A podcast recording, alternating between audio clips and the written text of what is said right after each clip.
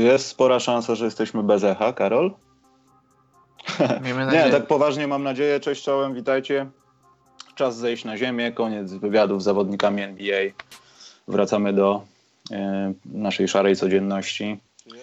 E, ja chciałem nadmienić, że dzisiaj e, widziałem dużo rzeczy dziwnych na żywo i mogę inaczej reagować. Na przykład widziałem, jak tir wlókł panią w korku, która dzwoniła dalej przez telefon, on ją wlókł przez jakieś 15 metrów. Y, nie miałem prądu przez cały dzień na przykład, dlatego nie dziwcie się, jak będę gadał głupoty. Cześć Karol, powiedz coś ciekawego. Dobry wieczór Michał, dobry wieczór słuchacze. Coś ciekawego? No to jak zwykle nie masz nic ciekawego do powiedzenia. To zaczniemy, no mam, Karol, tak, nie od... Ale mam, poczekaj. Ale, ale nie tak ale... z rękawa. Jakby z rozmowy zawsze wynika coś ciekawego, ale tak jak z rękawa, żebym sypnął czymś ciekawym, to wiesz. To było takie niedomówienie. Tak. E, cytując pana Kobuszewskiego w kultowym sketchu. E, poczekaj, bo tu na czacie już mnie ludzie obrażają. E, za kultowy nie wiem. Właśnie widzisz, Rafał, to jest kwestia tego typu, że nie wiem, czy to zależy od Marcina, czy od naszych mediów, czy od tego, co się opłaca, co nie, ale podejrzewam, że pogłos mały jest. U kogo jest pogłos? Za kultowy nie wiem. Właśnie widzisz, Rafał, to jest kwestia. Mm, to bardzo dziwne. A powiedzcie, jak mocny jest ten pogłos? Jak Carl Anthony Towns w post. Bardzo możliwe, bo ja teraz wcisnę coś, bardzo możliwe, że przez chwilę nas nie będzie słychać, ale jak widzicie, dalej to jest walka z żywiołem. Musimy na tym popracować. A teraz jest jakiś pogłos? Jak nie ma, to gadamy dalej. Dobra, nieważne. Będę to korygował w trakcie. Już zgłupiałem kompletnie. I po prostu takich wywiadów nie ma i myślę, że jak Marcin powiedział coś ciekawego, to chyba też nie ma sensu z tego robić, jaka to jest kultowość, tylko cieszmy się, że, e, no, że Marcin w końcu... Michał, twój głos się powtarza. Słuchajcie, ja mam wyciszone wszystkie, mam nadzieję, że mam wyciszone. Tak, mam ja wyciszone mam wszystkie źródła i nie wiem skąd się to bierze, a skoro to się robi drugi raz, a może o, już jest git. Dobra, to ja już wiem od czego to zależy. To znaczy, że e, jeszcze, dobra, nieważne, bo się zagubię kompletnie, że myślę, że za mało jest takich rzeczy i myślę, że za mało ludzi stara się nawet o taki wywiad, no bo ja wiem, ja wiem, to się mówi, że czekałem dwa lata, ale to też nie było tak, że codziennie dzwoniłem i tak dalej, tylko były takie okresy, kiedy wiedziałem, że mogę pogadać. Też był taki czas, kiedy, no, no szczerze mówiąc, nie chciałem Pawła Stalmacha wykorzystywać, dlatego że razem robimy program, na zapinamy pasy i on jest blisko Marcina i tylko dlatego z nim gadam. I też było mi trochę z tym głupio, żeby nie naciskać za specjalnie, bo to mogłoby wyglądać, że to nie będzie szczery wywiad, tylko osiągnięcie swojego celu, że zrobimy to po to, żeby oczarować świat, bo co by nie mówić, Karol, to przez przypadek, bo tego miało w ogóle nie być. Ten wywiad miał praktycznie nie dojść do skutku, bo już w październiku był moim zdaniem ostatni strzał i liczyłem się, że sezon się tak potoczy, że przypadkowo dostaliśmy horrendalnego boosta po prostu. Wystarczy popatrzeć na subskrypcję, o tym będziemy mówić potem, bo to jest świetna sprawa. E, do tego przypadkowo nam to dobrze wyszło, a czy wywiad był dobry, czy nie, no to już tylko wam oceniać. Ale ja bym unikał kultowy, bo podejrzewam, że jeszcze w tym roku nie, ale w przyszłym może być kilku gości, którzy, no, którzy no, jeszcze zrobią większy szum, myślę. Nie chcę mówić tutaj o konkretnych osobach, ale to się trochę wiąże z NBA London. Także y, tyle y, informacyjnie. Karol, powiem o naszym subskrybencie, bo to wczoraj też była śmieszna rzecz. Możemy powiedzieć. Słuchajcie, wczoraj z Karolem spra- sprawdzaliśmy sobie, właśnie, chcieliśmy bardzo pozdrowić tą osobę. Ja zaraz odpalę ten donate, y, żeby nie było, że to się nie stało. I chcieliśmy sprawdzić z Karolem, czy jest echo i jakieś sprawy. Odpaliłem OBS-a, gadamy z Karolem, ja zmieniam scenę i w tym momencie to niemożliwe. Patrzę, donate jest. Zaraz wam pokażę, jak wygląda ten donate. Dodajmy, że było zaznaczone, że stream wtedy będzie za 24 godziny. E, więc czytając treść tego donata, już w momencie, dajcie chwilę, bo muszę wejść, e, no to gdzieś był bardzo dobry melanż. A jeśli ktoś myślał, że dziś jest piątek, to tym bardziej ja szanuję takie imprezy, naprawdę podziwiam. Poczekajcie. To był studencki czwartek. Studencki czwartek. I ewidentnie data jest 8 listopad. Da, listopad. Wyemituj ponownie. Listopada. Listopada, ja nie wiem. O, to ukazało się naszym oczom wczoraj, kiedy badaliśmy no możliwości techniczne w transmisji. Także pozdrawiamy Cię, Karku. Mam nadzieję, że Tobie wódeczka się nie skończyła za te 40 zł. Ale naprawdę bardzo dobra impreza. Podejrzewam, że to był dobry melanż, a jednocześnie pokazuje to, że chyba te donaty, tak jak mi się wydawało, można walić offline. Tylko potem muszę pamiętać o tym, żeby je wyświetlić, tak jak karku. Nie, wyświetlę to jeszcze raz, bo to przepiękny donate jest. jeszcze parę razy podczas tej transmisji poleci, coś czuję. Żeby upamiętnić. Naprawdę, to była dobra impreza. W środku tygodnia. A, pytanie, czy, czy, pan Kar, czy pan Karku nas słucha? E, sądząc o tym, co wczoraj wykonał, jak, przele, jak przeleciał imprezowo, no to nie sądzę, wiesz? No dlaczego nie? To, to była wczorajsza noc, miał, miał prawie dobę na to, żeby przywrócić się do stanu używalności. To prawda, ale wiesz, Karku to sam nikt wskazuje, że to może być, wiesz, to już mógł być któryś dzień tego melanżu i co to, to, to może być silny zawodnik. Dobrze, więc y, na tyle, jeśli chodzi o sprawy techniczne. Ale za swoje pije i za swoje don donatuje. Dokładnie, dokładnie. No to luch karku, że tak powiem. No. E, chciałem coś jeszcze powiedzieć. A, a propos podcastu z Marcinem. Ja chciałem wam powiedzieć, że robi, dokładałem wszelkich starań, żeby, też to nie chcę źle nie zabrzmi, żeby się tego dało słuchać. W sensie e, wycinałem jakieś mówienie przeze mnie i przez Marcina y, e i tak dalej więc są takie momenty, że widać jakby, no nie da się tego powtórzyć tak samo na żywo, bo oddechu gdzieś zabraknie, ale to uwierzcie mi, nie było wycinanie spraw, które, no nie wiem, w jakiś sposób były bardzo sensacyjne. To nie tak jest dalej. ważne, Michał, to są takie niuanse techniczne, to nie jest ważne. Ważne, Ale najważniejsze jest to, że Marcin, właśnie shoutout dla Wiktora, który w ogóle tak zareagował w poniedziałek, jak mu powiedziałem, że potrzebuje tylko buzię, żeby buzera przerobił masakra. Wiktor y, Szakunec, y, dożywotni, serio to wyglądało świetnie i wygląda świetnie i jest jeszcze taki jeden news, że wysłałem Marcinowi na Twitterze to wszystko, tam chłopaki z fundacji nas olinkowali, bo chyba szczerze im się to spodobało, no i powiedział, że nie ma za co dziękować, nagramy jak przyjedzie do Polski. Także może w wakacje, może, może nie w playoffach, ale no Marcin chyba chce się jeszcze raz pojawić, także to chyba jest fajnie. No, mi się wydaje, że Marcinowi to się podobało z przebiegu tej rozmowy w ogóle taki był. E, rozmawiał jak z kolegą, nie miał poczucia takiego, że to pójdzie weter. Znaczy miał to poczucie, ale, ale był w pełni rozluźniony, mówił na luzie, nie mówił tak jak wiesz, tak jak się mówi do jakiejś publicznej telewizji czy jakiejś publicznej radiostacji. To wyszło naturalnie, spontanicznie, dużo, dużo fajnych rzeczy Martin powiedział. Mój ulubiony fragment to jak opowiadał, że czasem w Waszyngtonie wracasz z treningu dwie godziny zimą, nie masz opon zimowych. Nie, najbardziej mnie urzekło to, jak on zwraca się do Bobana, no, z, mam, z ba, mambą, bambą, Boże. Tak, Mobamba. E, Bobby nie chce się z nim pomasować. Wyobrażasz sobie tego Bobana, jak biedne dziecko, Wiesz, który mówi do Mobamby, czy ja mogę się z tobą pomasować? Proszę on ma rozpiętość, On ma rozpiętość rąk 8 stóp, a woli sobie rzucić za 3. No ludzie. No, no, no ludzie. I to było takie kryszak z lat 90., jak udawał Wałęsę.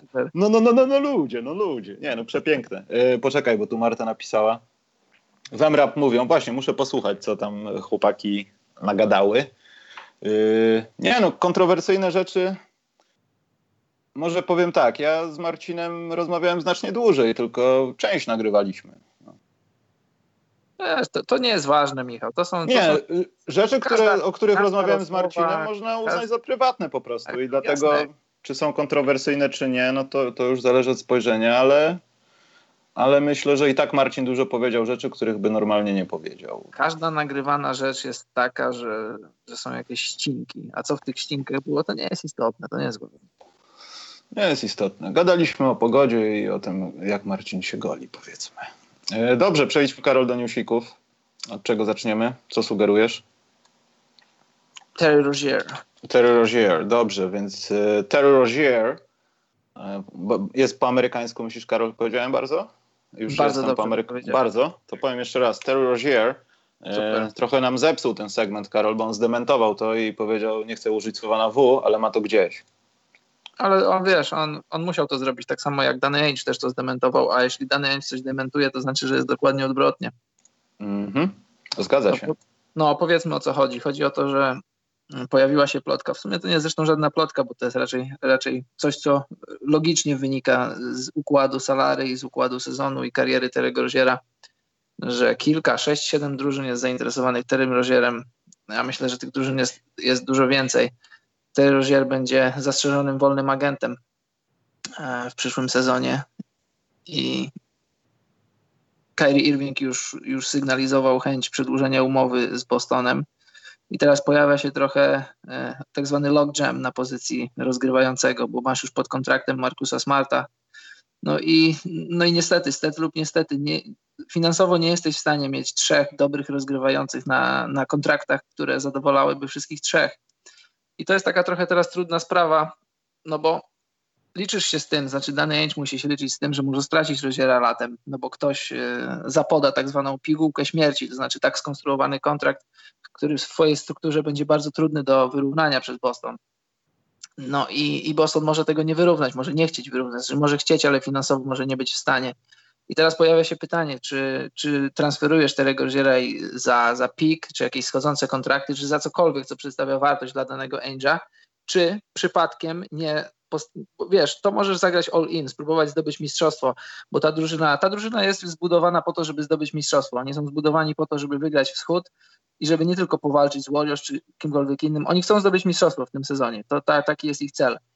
I teraz masz scenariusz taki, przehandlowałeś rozdziera i masz kogoś tam, jakiś pik, czy powiedzmy coś, co nie jest równie warte, co, co, co przedstawiał sobą ten rozdzier na parkiecie i, I to jest jeden scenariusz. I z czymś takim, e, to znaczy delikatnie osłabionym składem walczysz o tytuł, czy podejmujesz to ryzyko i masz Roziera, który, który jest backupem dla, dla Irvinga, alternatywą od Smarta, jest naprawdę wartościowym zawodnikiem, pokazał to w zeszłorocznych playoffach i grasz nim i starasz się zdobyć mistrzostwo. Jesteś od tego mistrzostwa o trochę bliżej, mając go w składzie, ale ryzykujesz odejście.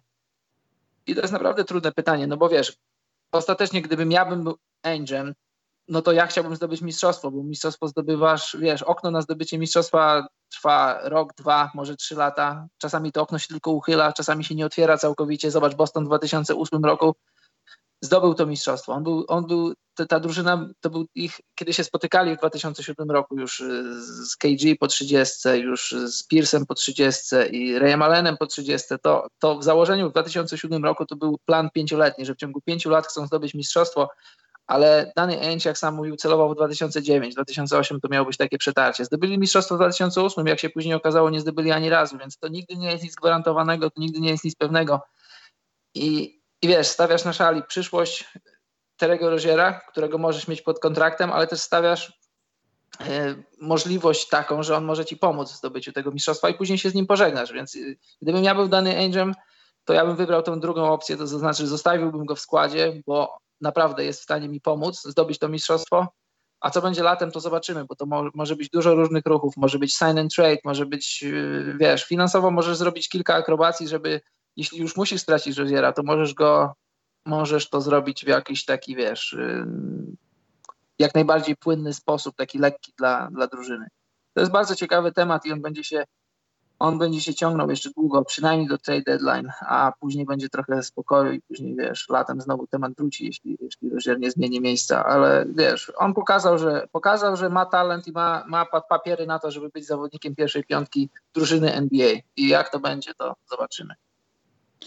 Yy, masz rację, natomiast yy, powiedziałeś chyba to, że to też nie będzie jego decyzja, jeśli w Bostonie ktoś stwierdzi, że musimy się wzmocnić i możemy coś otrzymać lepszego w zamian niż Terry Rozier, albo kogoś innego, kto będzie pasował bardziej, bo nie wiem, przydarzy się komuś kontuzja, tak jak powiedziałeś, nie chcemy opaść y, z naszego poziomu i naszego, nie wiem, naszej drogi marzeń, no, że zeszły sezon to przetarcie, teraz bijemy się ewidentnie o mistrza i to musi nastąpić w końcu. Mówię o punkcie widzenia Bostonu. To no Rozier może być dobrym, Terry Rozier może być dobrym asetem po prostu, żeby dokonać jakiejś wymiany, bo wiemy, że dany Ainge też y, często nie obcędala się po prostu. Mówi się, że Danny wytradowałby własną matkę, gdyby to mogło pomóc Celtom. Dokładnie. I wydaje mi się, że to na razie no, nie ma racji bytu, ale y, tutaj jest takie podpytanie w tym pytaniu, bo czy ten transfer się stanie, czy nie, no to, to nie wiem, przekonamy się do lutego albo w ogóle się nie przekonamy. Natomiast Rozier, Terry Rozier będzie y, jednym z tych jednym z tych graczy, którzy będą wchodzili w tą taką ostatnią półkę, nie wiem, naz nazywam ją Isaiah Thomas, ale wiadomo, że ta półka istnieje, ten profil graczy od dawien dawna, że dobrze ci idzie, masz jesteś w, kontrakt, w roku kontraktowym albo jesteś właśnie w takiej niepewnej pozycji i nagle się wybijasz i wszyscy myślą, że jesteś lepszy niż jesteś, dostajesz kupę kasy i dzieją się różne rzeczy.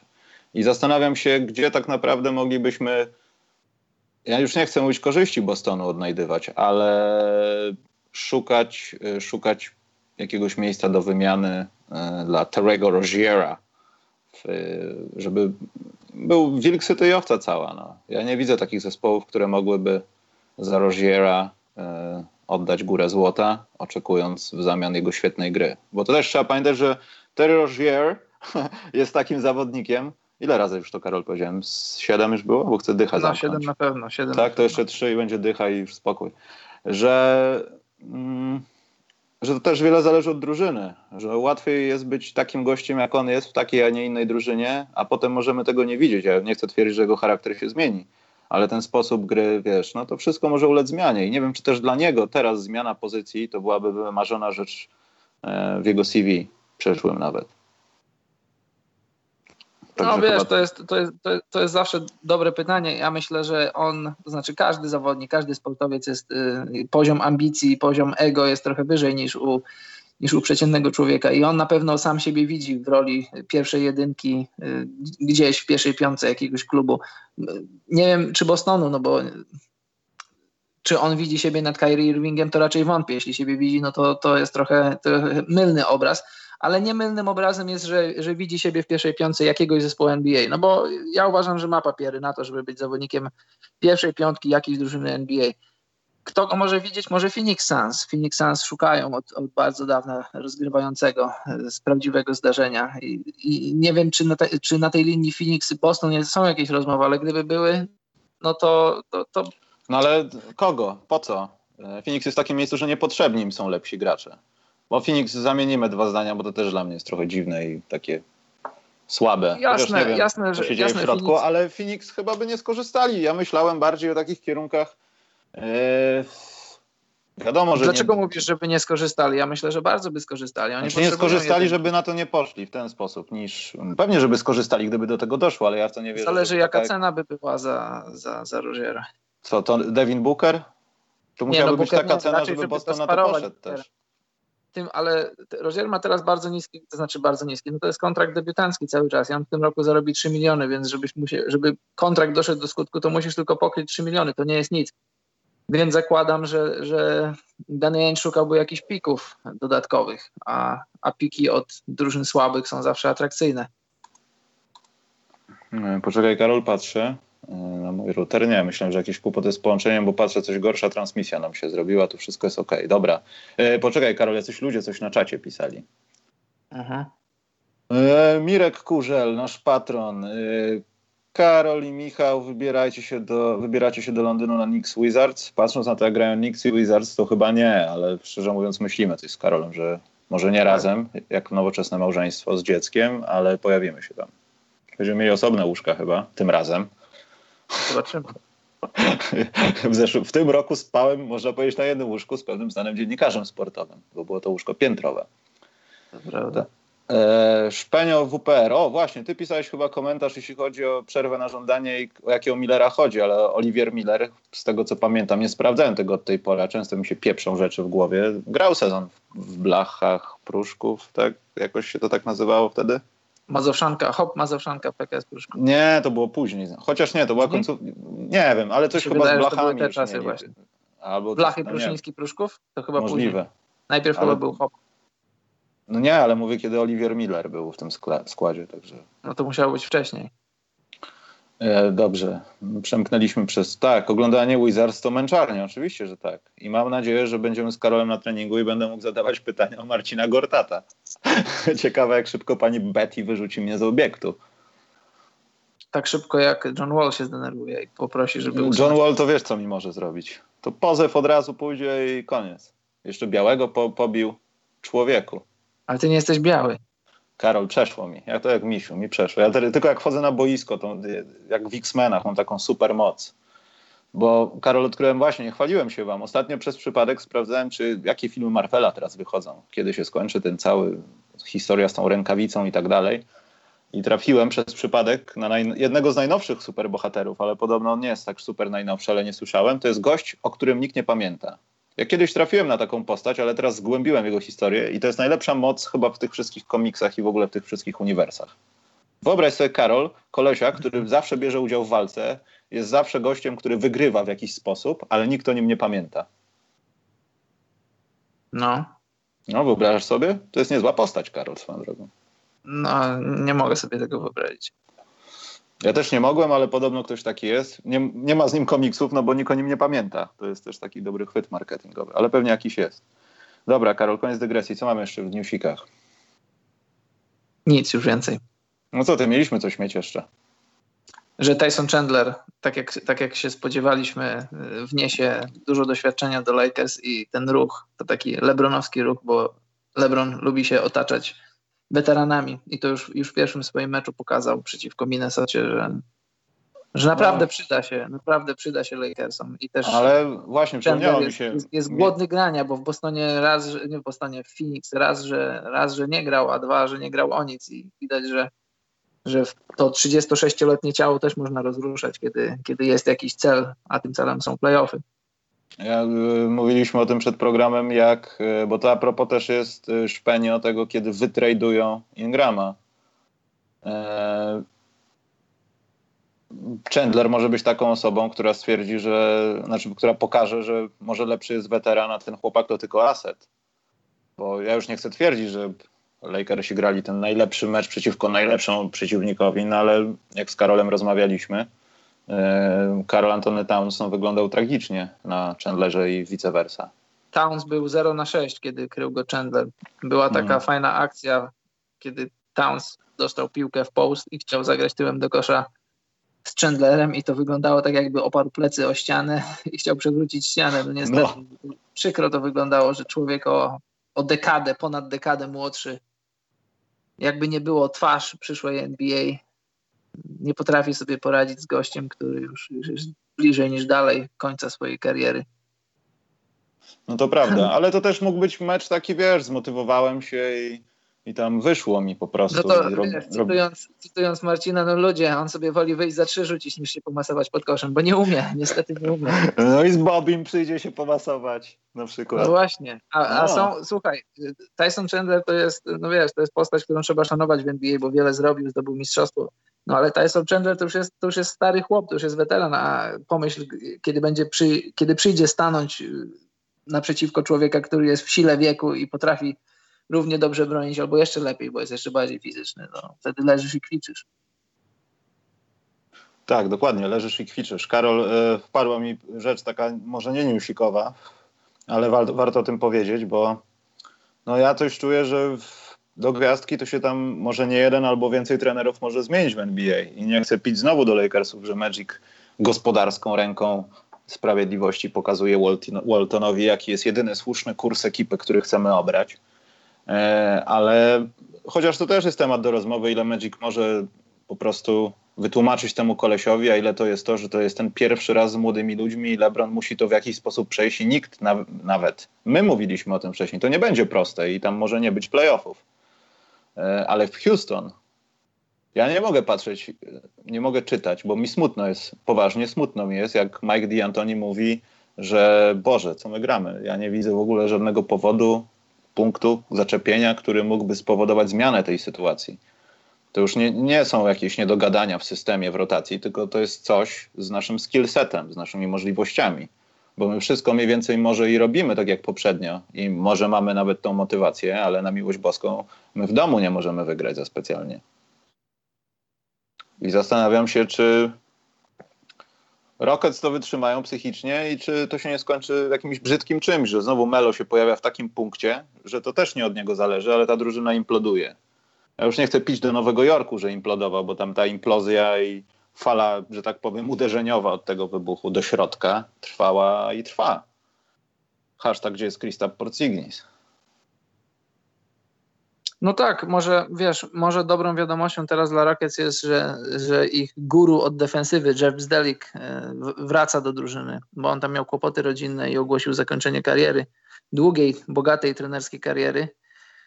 I ostatecznie okazało się, że, że jakoś udało mu się te, te kłopoty domowe na tyle zażegnać, że, że jest w stanie wrócić do koszykówki. I to jest dla Rockets to jest świetna wiadomość, bo D'Antoni jest ofensywnym geniuszem, ale ale nie lubi obrony, znaczy olewa sobie obronę. On woli rzucić więcej punktów niż, niż, niż po prostu woli rzucić więcej, zarzucać punktami niż obronić coś, a dobrze, kiedy masz trenera tak nastawionego, taką, o, o takiej filozofii grania, to dobrze mieć jest taką trochę przeciwwagę, która też zwraca uwagę na, na defensywę. Absdelik w środowisku trenerskim w NBA jest, jest, jest uważany za guru od defensywy, więc dobrze, że wraca i, i na, pewno, na pewno to pomoże Rakiec.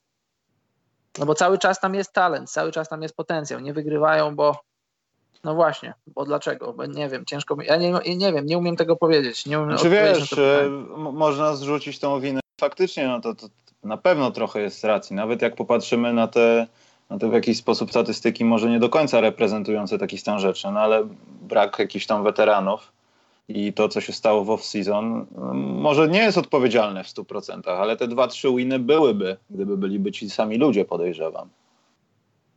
Może tak, może nie. Ja wiem, że ja już, w pięknym świecie już... Mela no. by nie było. Mela. No. Carmelo by się nie pojawił w tej drużynie, albo byliby obciążeni strasznie finansowo i cierpieliby potem za to, ale, ale jego pojawienie się nic nie zmieniło, a strata tych weteranów zmieniła, myślę, trochę. Przynajmniej w takich obliczeniach wiesz, per posiadanie, wiesz, tych spotkań jasne, na krawędzi no, może było trochę. Niby, no. niby, niby, tak, ale wiesz, no Ari, jasne, Arizy szkoda, bo jest, jest dobrym obrońcą i dobrze rzuca za trzy punkty. Bambutę też trochę szkoda, no ale jeżeli, jeżeli tak tęsknisz za, za Bamutę, jeżeli tak tęsknisz za, za, za tym, co wnosił do gry, no to ostatecznie chyba nie aż tak bardzo dobrze to świadczy o twojej drużynie, że, że tęsknisz za Lukiem Bamutę ja, ja wiesz, trochę przesadzam, bo wiadomo, że, że szkoda, szczególnie Arizy szkoda, doświadczonego zawodnika, który naprawdę by się przydał. E, ale tam w dalszym ciągu są ludzie, którzy mogą wejść w jego buty, bo to powiedzmy, to nie były aż nie wiadomo jakie buty. To nie było coś, czego, czy, czego nie da, to nie była aż taka dziura, której nie da się załatać. A jeżeli to była aż taka dziura, której nie da się załata, załatać, no to w ilu drużynach walczących o tytuł odejście Arizy zmieniłoby diametralnie drużynę nie aż tak wielu, no bo zazwyczaj nie ma ludzi niezastąpionych. Trochę zmieniasz rotację, są nowi ludzie, starasz się, starasz się dać im te role. No bo te role w systemie Houston, one nie są aż, aż tak bardzo skomplikowane. Starasz się bronić i rzucać za trzy punkty, bronić i rzucać za trzy punkty. Nie potrzebujesz aż tak wiele. To jest kropka, Karol. E, tak, to jest ta, ta, ta słynna niespodziewana kropka. Rozumiem.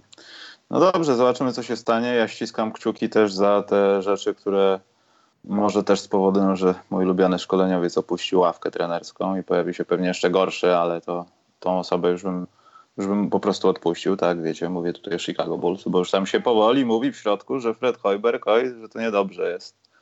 Nie wiem dlaczego teraz ludzie mówią, że to niedobrze jest, jak to już trwa jakiś czas, no ale daj Boże, żeby to się stało. Dobra, słuchajcie, po pierwsze musimy teraz odwalić czarną robotę za 40 odcinek, do czego nas trochę zmusiliście.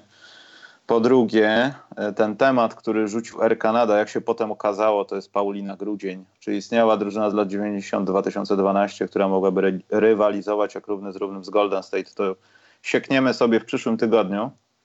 Jeszcze od patrona Marcina mamy jedną taką rzecz, bo mamy tego jednego patrona, który może nam wszystko, nawet, nawet o wyborach w Polsce może nam rzucić temat, bo zapłacił, także nie jesteśmy kompletnie przekupni z Karolem. Yy, I musimy odwalić pracę domową dzisiaj i pogadamy chwilę o Szanie Kępie, potem będzie o Dziku Nowickim. Yy, no i klasycznie pytanko od Was, więc taki jest yy, plan obrad. Karol, Sean Kemp.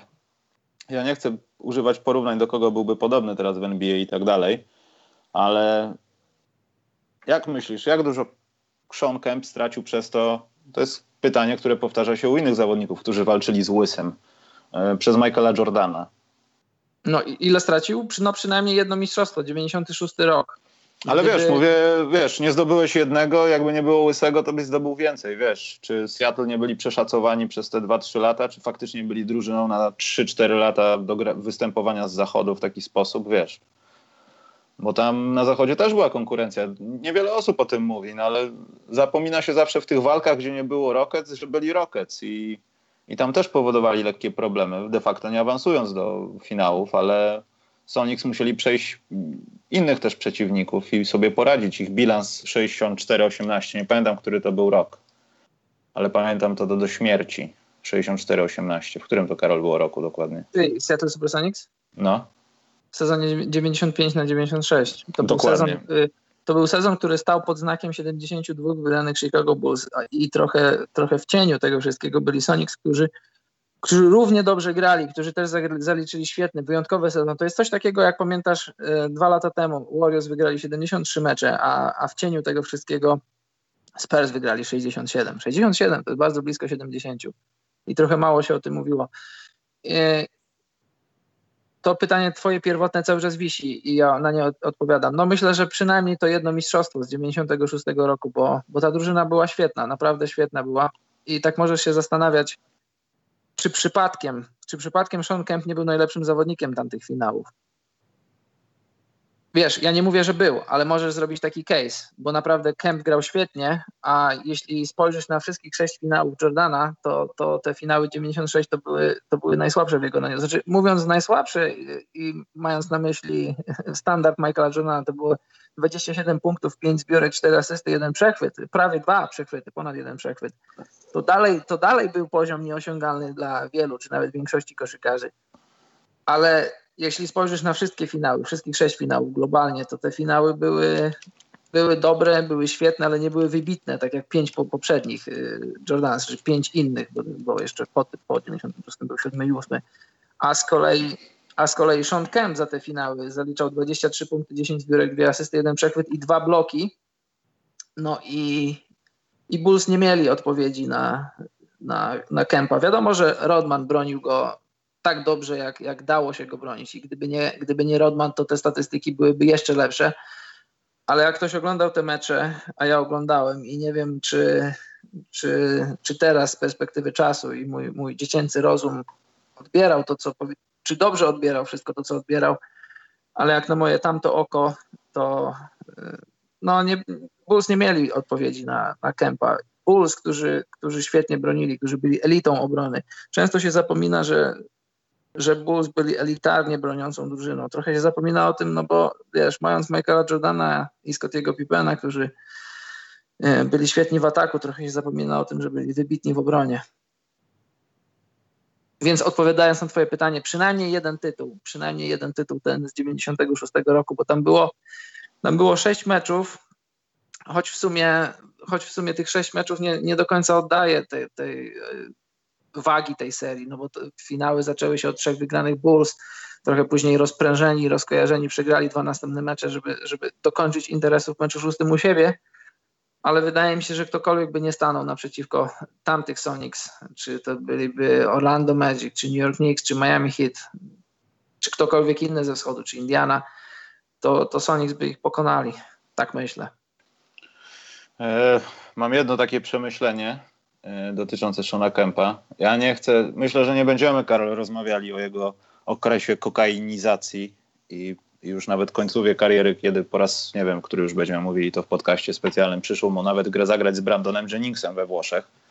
Mm. E, bo nie ma co mówić o upadku, no wiadomo, że każdy tam miał jakieś swoje różne takie, ale jak zobaczyłem Shona Kempa, e, zresztą Vin Baker też fatalnie wyglądał, tylko z innych powodów, bo był po prostu chyba alkoholikiem, a nie narkomanem. E, w tym lokaucie 98, tak? Na 99 można Tak, tak, tak. 98-99 zaczął się sezon w 99. No to było widać, że to coś jest nie tak z Kempem. Ja pamiętam, że widziałem gdzieś w telewizji jakiś głupi teleekspres, koszykarze się w końcu dogadali i tam jest, są przebitki, jest Sean Kemp taki zatuczony jak świnia. No strasznie przy tym, bardzo strasznie. I potem się okazało, że zaczęły się właśnie u niego te kłopoty, albo to już było takie apogeum tych kłopotów, bo no miał przygodę sporą dosyć z tym narkotykiem, w ogóle z narkotykami i w ogóle z szeroko pojętym melanżem, myślę. I to też było spowodowane w jakiś sposób tą jego sytuacją, e, co się działo ze Seattle i tak dalej. Natomiast to chciałem powiedzieć, czy Sean Kemp nie był prototypem takiego zawodnika, którego widzimy dzisiaj? Bo kiedy oglądało się Seana Kempa na początku kariery i tak dalej, no to nieuchronnie zbiegało to do szufladki.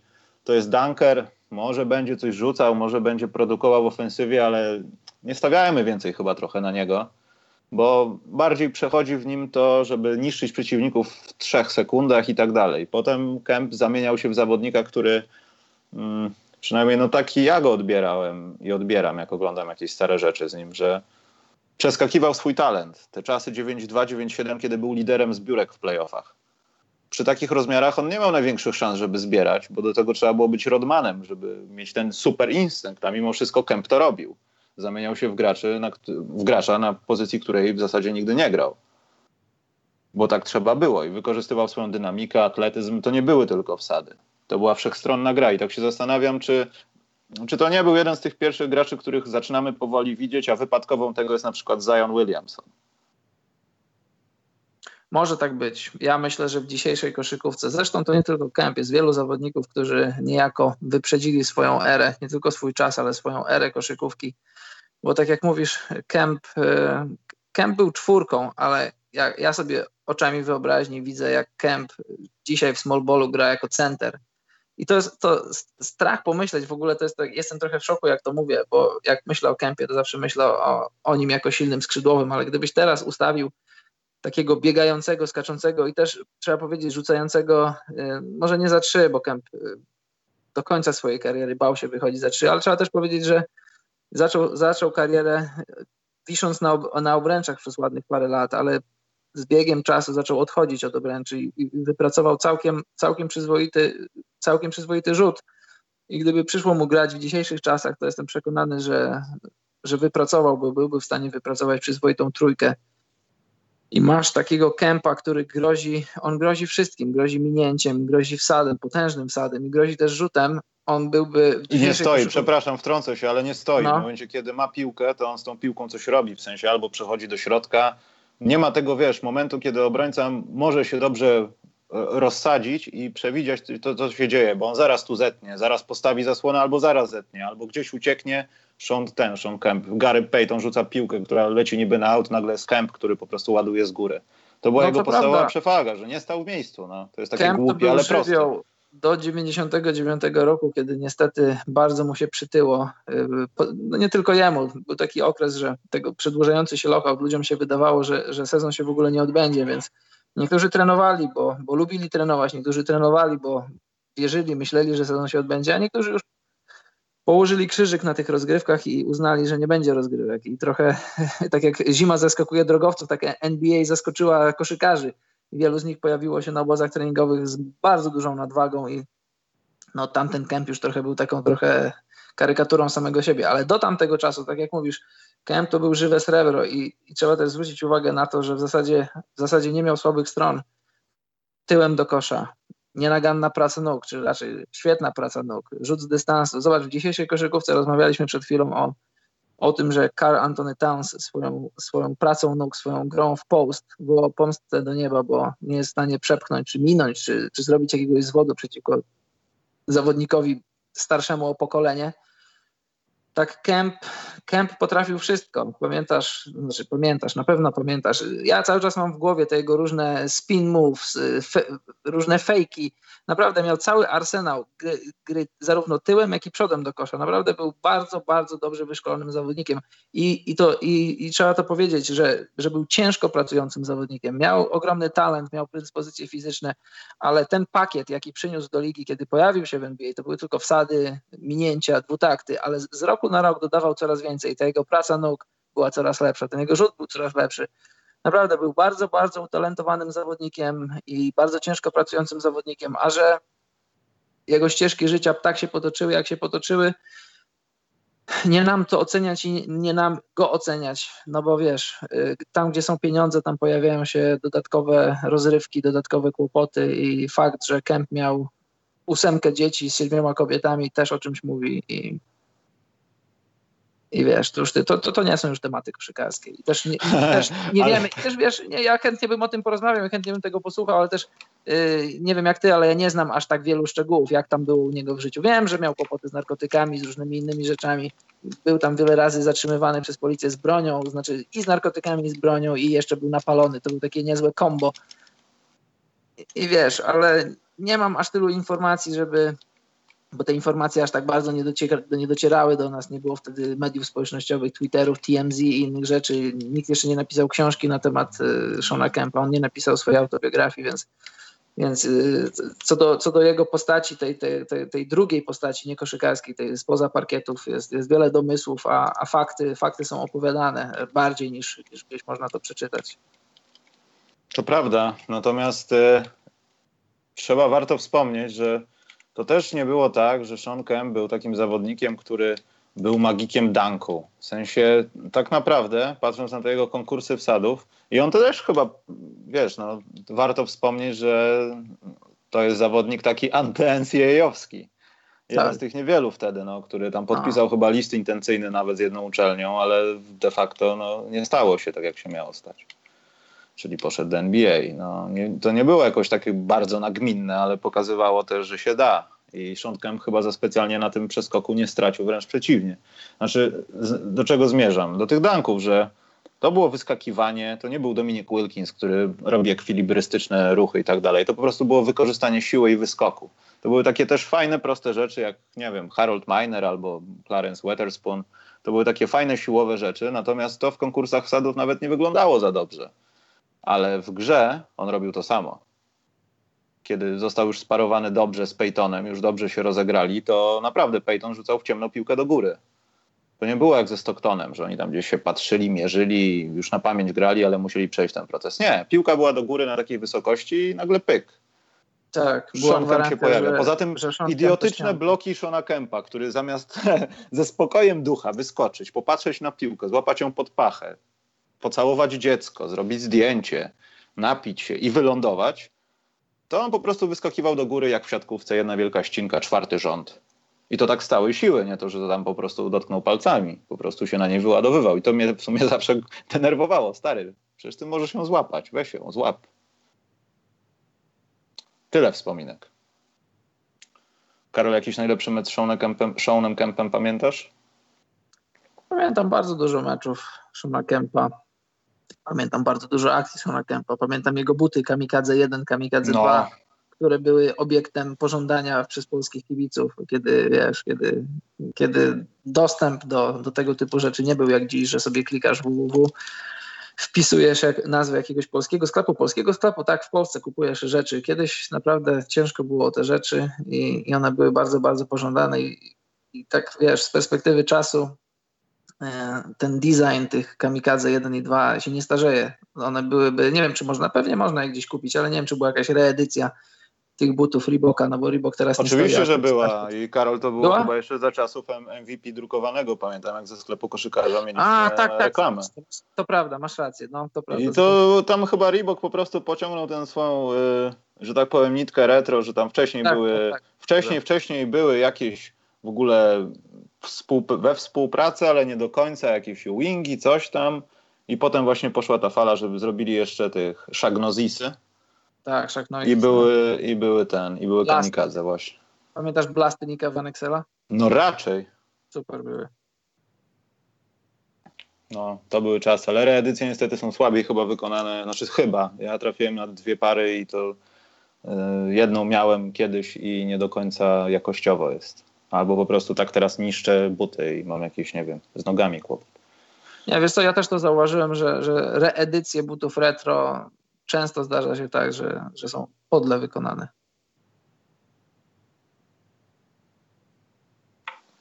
To jest kropka, Karol. Tak, stawiam kropkę. Wiesz, y, no nie, nie, nie powiem ci jakiegoś takiego jednego meczu, który mi zapadł w pamięć. Zapadło mi bardzo dużo zagrań, bardzo dużo y, sezonów, meczów. No, bardzo mi się podobał, tak jak mówię, podobał mi się Sean Kemp w finałach 96 roku.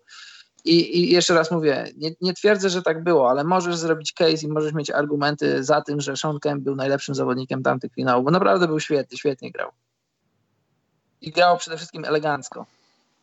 To jest raz, no a przede wszystkim ta lekkość grania. E, dwa, miał te takie rzeczy, które miał Scottie Pippen, że wiedział jak zareagować i odpowiednio wyskoczyć w obronie. To nie, nie był herosem obrony też, no nie przesadzajmy, natomiast no, było widać to w jego grze. Natomiast jeśli chodzi o moją pamięć, to ja bardziej, jeśli chodzi o sezon regularny, to nie znaczy, że nie oglądałem w czasach Supersonics, ale e, bardziej ta jego starość w Cleveland. To już takie dno dna, ale 19 punktów na mecz. Że widać tam było gdzieś przebłyski tego starego kępa, ale ciało już nie niosło i wszystko było bazowane na warsztacie, doświadczeniu i, i tego, co się, co się działo w, przez całą jego karierę. I to mi się chyba najbardziej podobało, bo potem możesz ocenić, kto jest koszykarzem, a kto nie, wiesz. To prawda. Jeśli no. stracisz tą swoją młodo, młodą piękność, jakkolwiek by to brzmiało, to Już zostaje ci bazowanie na rzeczach, które zapamiętał twój organizm chociażby. Nie wiem, pamięć mięśniowa, wiesz. Jakieś e, zbieranie się do rzutu tysiąc jeden razy tak samo, bo to przetrenowałeś. Nie u wszystkich tak, to, jest, to jest. No, to jest, to, to jest 100%, 100% racji, bo ewidentnie Sean Kemp stracił już swoją fizyczność, a jeszcze był w stanie zdobywać 18, 20 i 17 punktów w, w Cleveland był produktywny, ale już nie latał, już, już, już, już nie miał tej swojej dynamiki, już nie miał tej swojej eksplozywności, ale tak jak mówisz, y, to, co pozwalało mu jeszcze wtedy utrzymać się w lidze, to był warsztat, który, który przez lata, nad którym przez lata ciężko pracował. Bo pierwsze lata, jak przychodził do NBA, to było tylko skakanie, latanie, wiszenie na obręczach, ale później dosyć szybko się zorientował, albo może to jego e, tak zwane wewnętrzne koło ludzi dobrze mu, dobrze mu doradziło, że ty, Sean, musisz, musisz jednak zwrócić też na inne aspekty gry uwagę, bo całe życie nie da się skakać, a jeśli chcesz grać długo w NBA, to, to, to musisz to zrobić. I, i e, wiesz, 14 lat w NBA to nie jest nic. To jest, to jest, naprawdę, to jest naprawdę sporo. Zwłaszcza biorąc pod uwagę latach, wszystkie, no. tak, właśnie, zwłaszcza w tamtych latach i zwłaszcza biorąc pod uwagę te wszystkie jego przejścia. No dobrze. Karol, przechodzimy do naszego drugiego zawodnika, bo praca domowa chyba jest odrobiona, ale myślę, że Sean Kemp będzie wracał, bo y, może już jak nam się nie tyle co skończą nazwiska, co wejdziemy już w takie numery, gdzie już naprawdę nikogo dobrego nie znajdziemy, albo już nie będzie o kim mówić, to myślę, że będziemy robili takie bloki, gdzie Sean Kemp, bloki, hyhy, yy, że gdzieś Sean Kemp się pojawi, a na pewno pojawi się Gary Payton. Myślę, że tak ostatnio mi wpadło do głowy, że możemy pogadać o Seattle Supersonics, bo kiedyś pamiętam opowiadaliśmy, ale nie mieliśmy zbytnio na to czasu, żeby przedstawić tą historię, dlaczego wydymano ich, y, w sensie Bennett, Clay Bennett, dlaczego ich wydymał. Chyba nie chciał ich wydymać, ale skończyło się jak się skończyło niestety i Seattle jest bez koszykówki. Zresztą y, Sean Kemp miał na Players Tribune świetny taki list, dlaczego chciałby, list, artykuł, dlaczego chciałby, żeby Seattle wróciło na mapę NBA. Jeśli ktoś tam chce, to nie pamiętam jak dawno to było, ale sprawdźcie, Sean Kemp na pewno to napisał.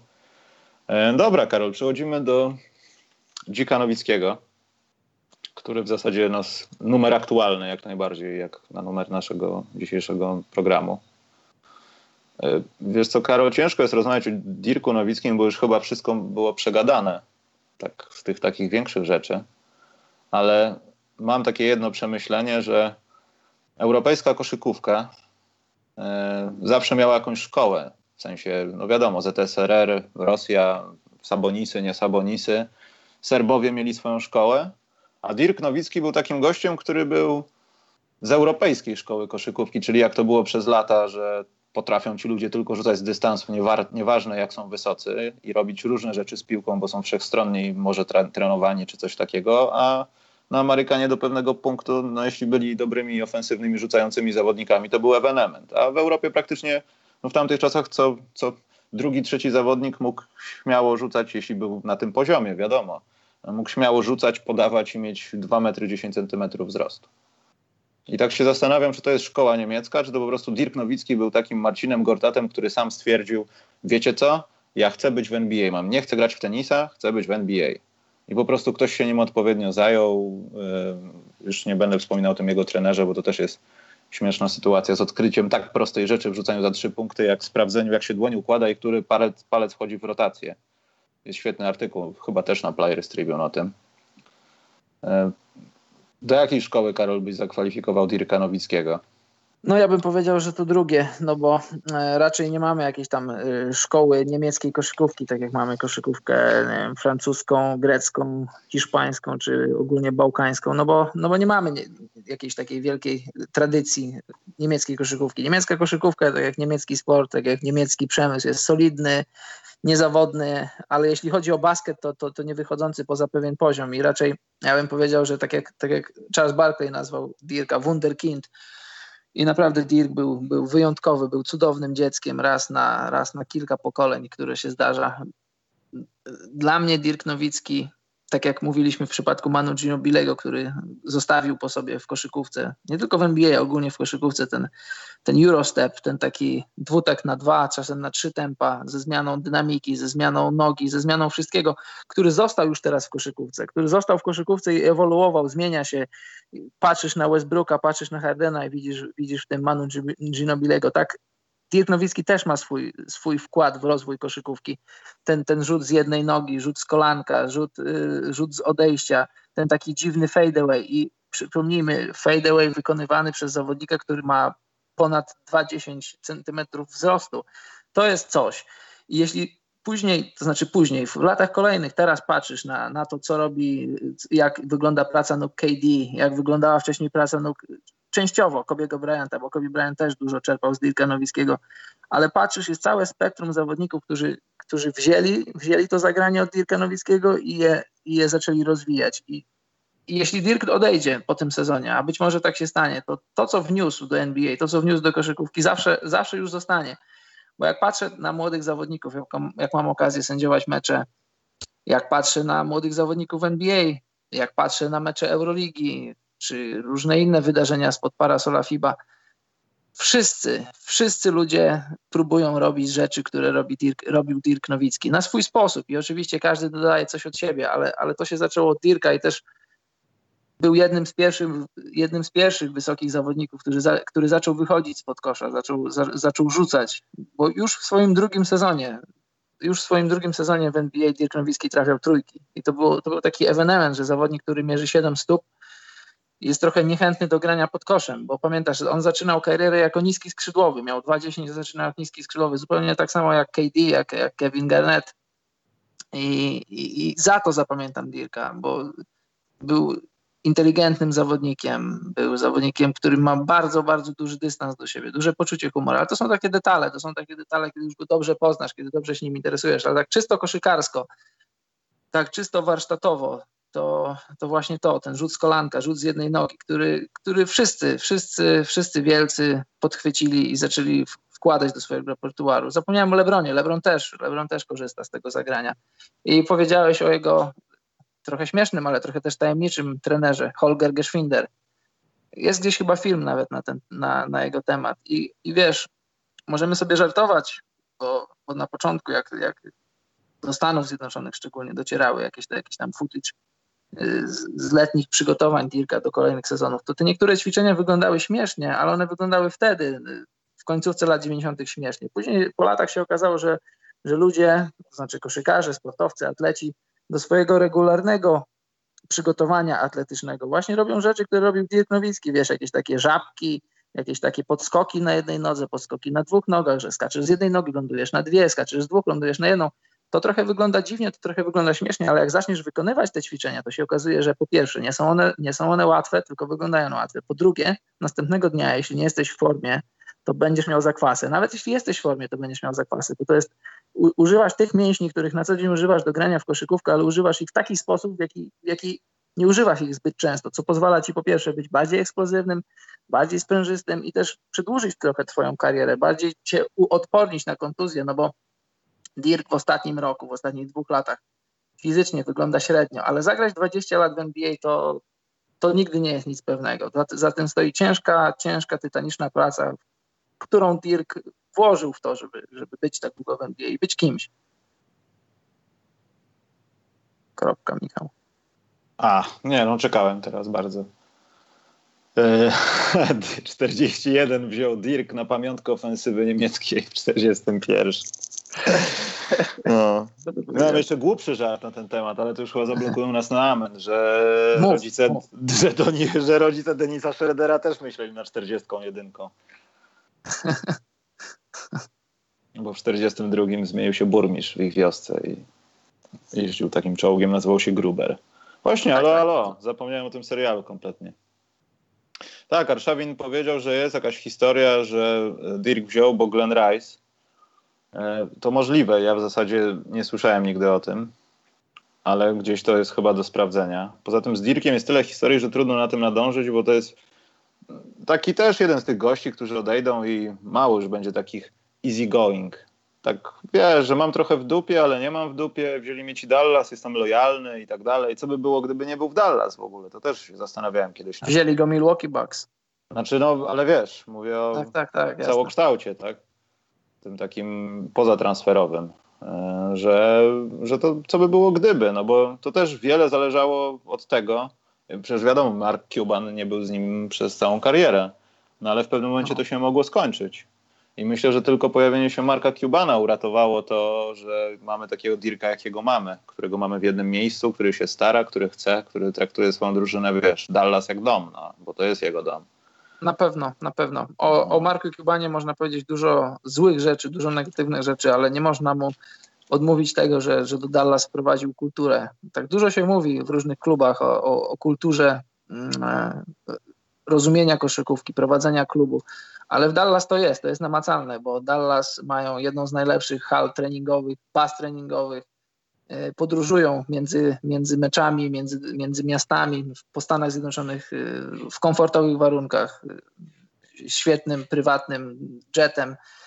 I to jest coś, czego na przestrzeni lat e, zazdrościły inne kluby. To jest coś, e, na, na co pieniędzy nie szczędził Mark Cuban. I to nie tylko chodzi o pieniądze, to jest, wiesz, e, Mark Cuban jest pod wieloma względami trochę szalony na punkcie koszykówki, ale jeśli dostajesz się do tej organizacji, no znaczy ja nie, nie grałem w Dallas Mavericks, ale przez lata miałem okazję rozmawiać z ludźmi, którzy byli blisko tego klubu, też też mam, miałem internet przez lata i, i, i, z tych informacji, które, które do mnie dopływały i do ciebie na pewno też, to rysuje się obraz idealnej wręcz. Wiesz, no teraz w ostatnich latach mieliśmy jakąś tam seks aferę, no ale... No ale to był fotograf, to, to, to były jasne, sprawy związane z organizacją jasne, niż sportową. To prawda, to, to są sprawy takie, których, nad którymi Mark Cuban, wiesz, Mark Cuban nie może mieć kontroli nad wszystkimi, każdym jednym zawodnikiem, znaczy jednym zawodnikiem, człowiekiem, który był zatrudniony do organizacji, bo trzeba powiedzieć, że, że klub koszykarski NBA zatrudnia bardzo, bardzo dużo ludzi, od, od ludzi, od, od, od koszykarzy, poprzez ludzi odpowiedzialnych za analytics, przez coachów, a kończąc na ludziach takich, którzy, wiesz, sprzedają bilety, którzy sprzedają hot dogi w hali i nie jesteś w stanie kontrolować wszystkich, więc to, to nie jest żaden przytyk strony Marka Cubana. E, no i ciężko powiedzieć, mówisz, e, jakby to się mogło, jakby to się mogło potoczyć, gdyby, gdyby Cuban nie wszedł do Dallas.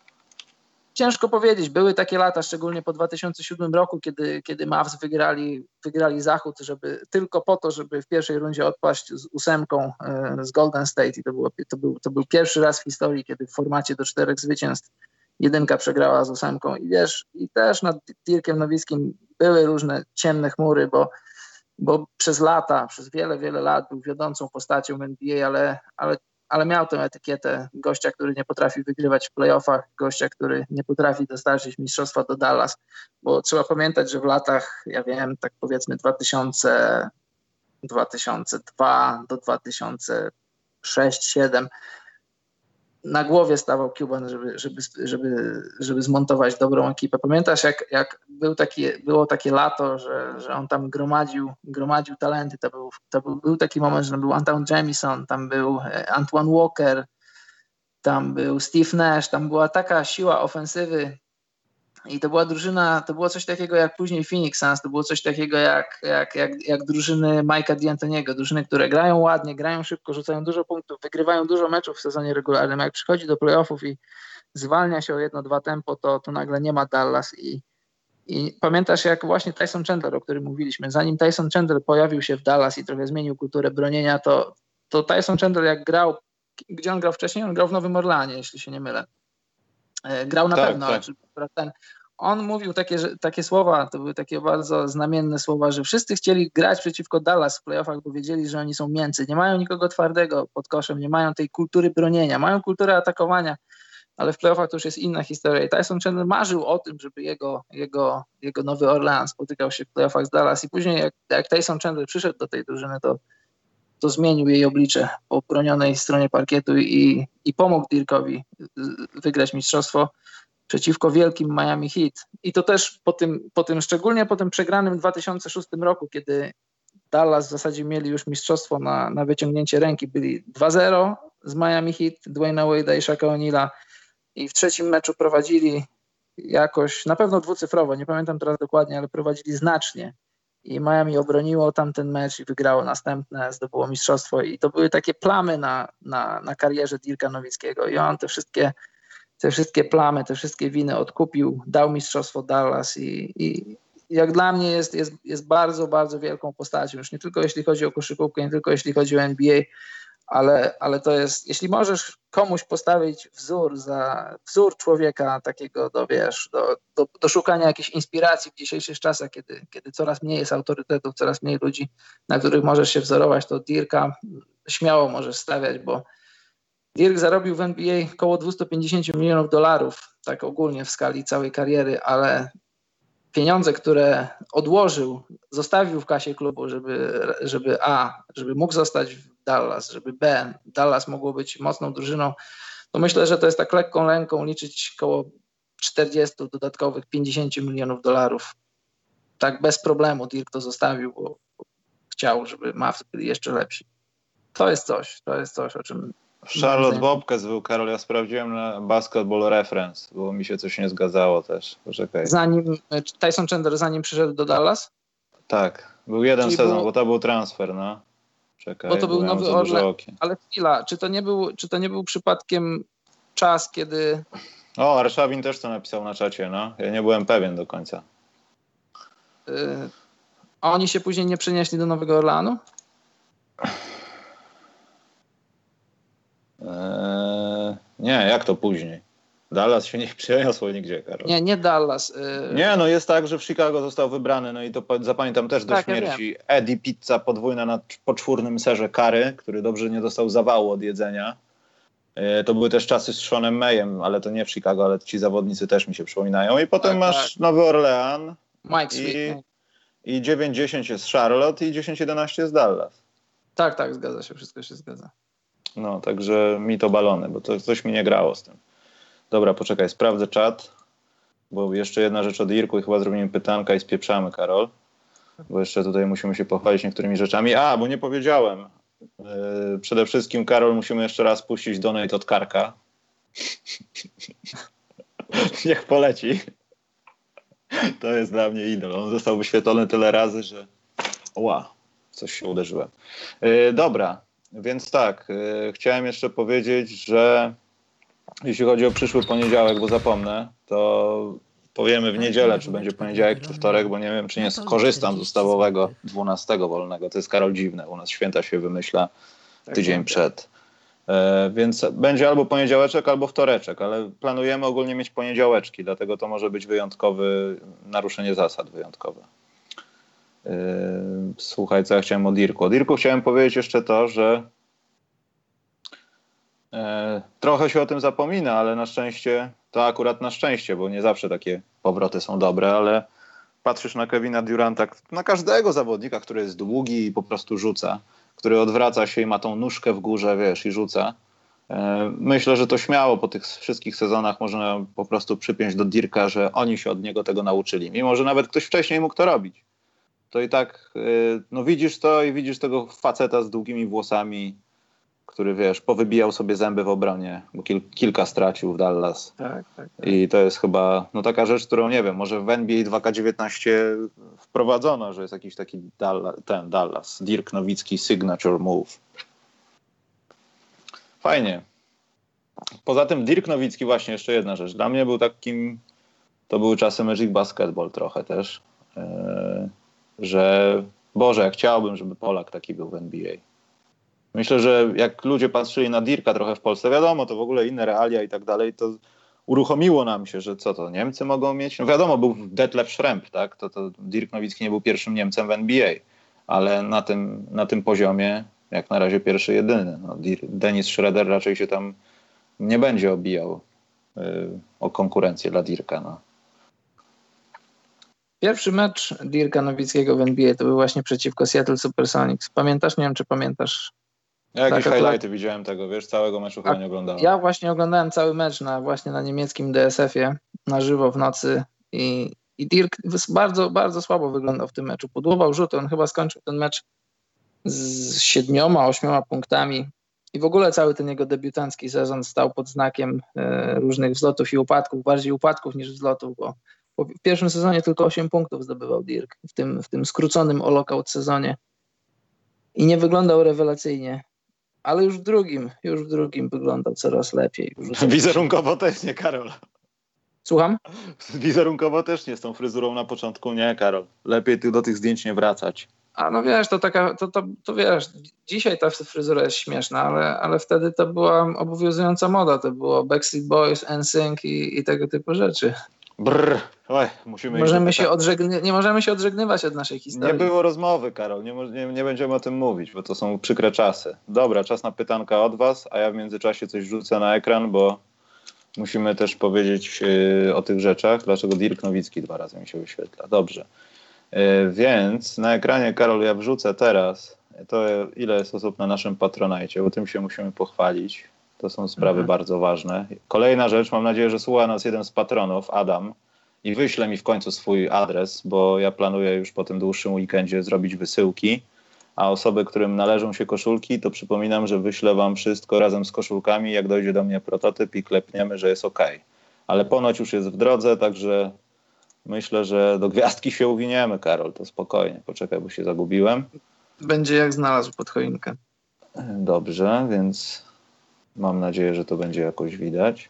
Aha, widać jak na razie moje za duże okno. O, może tak będzie lepiej.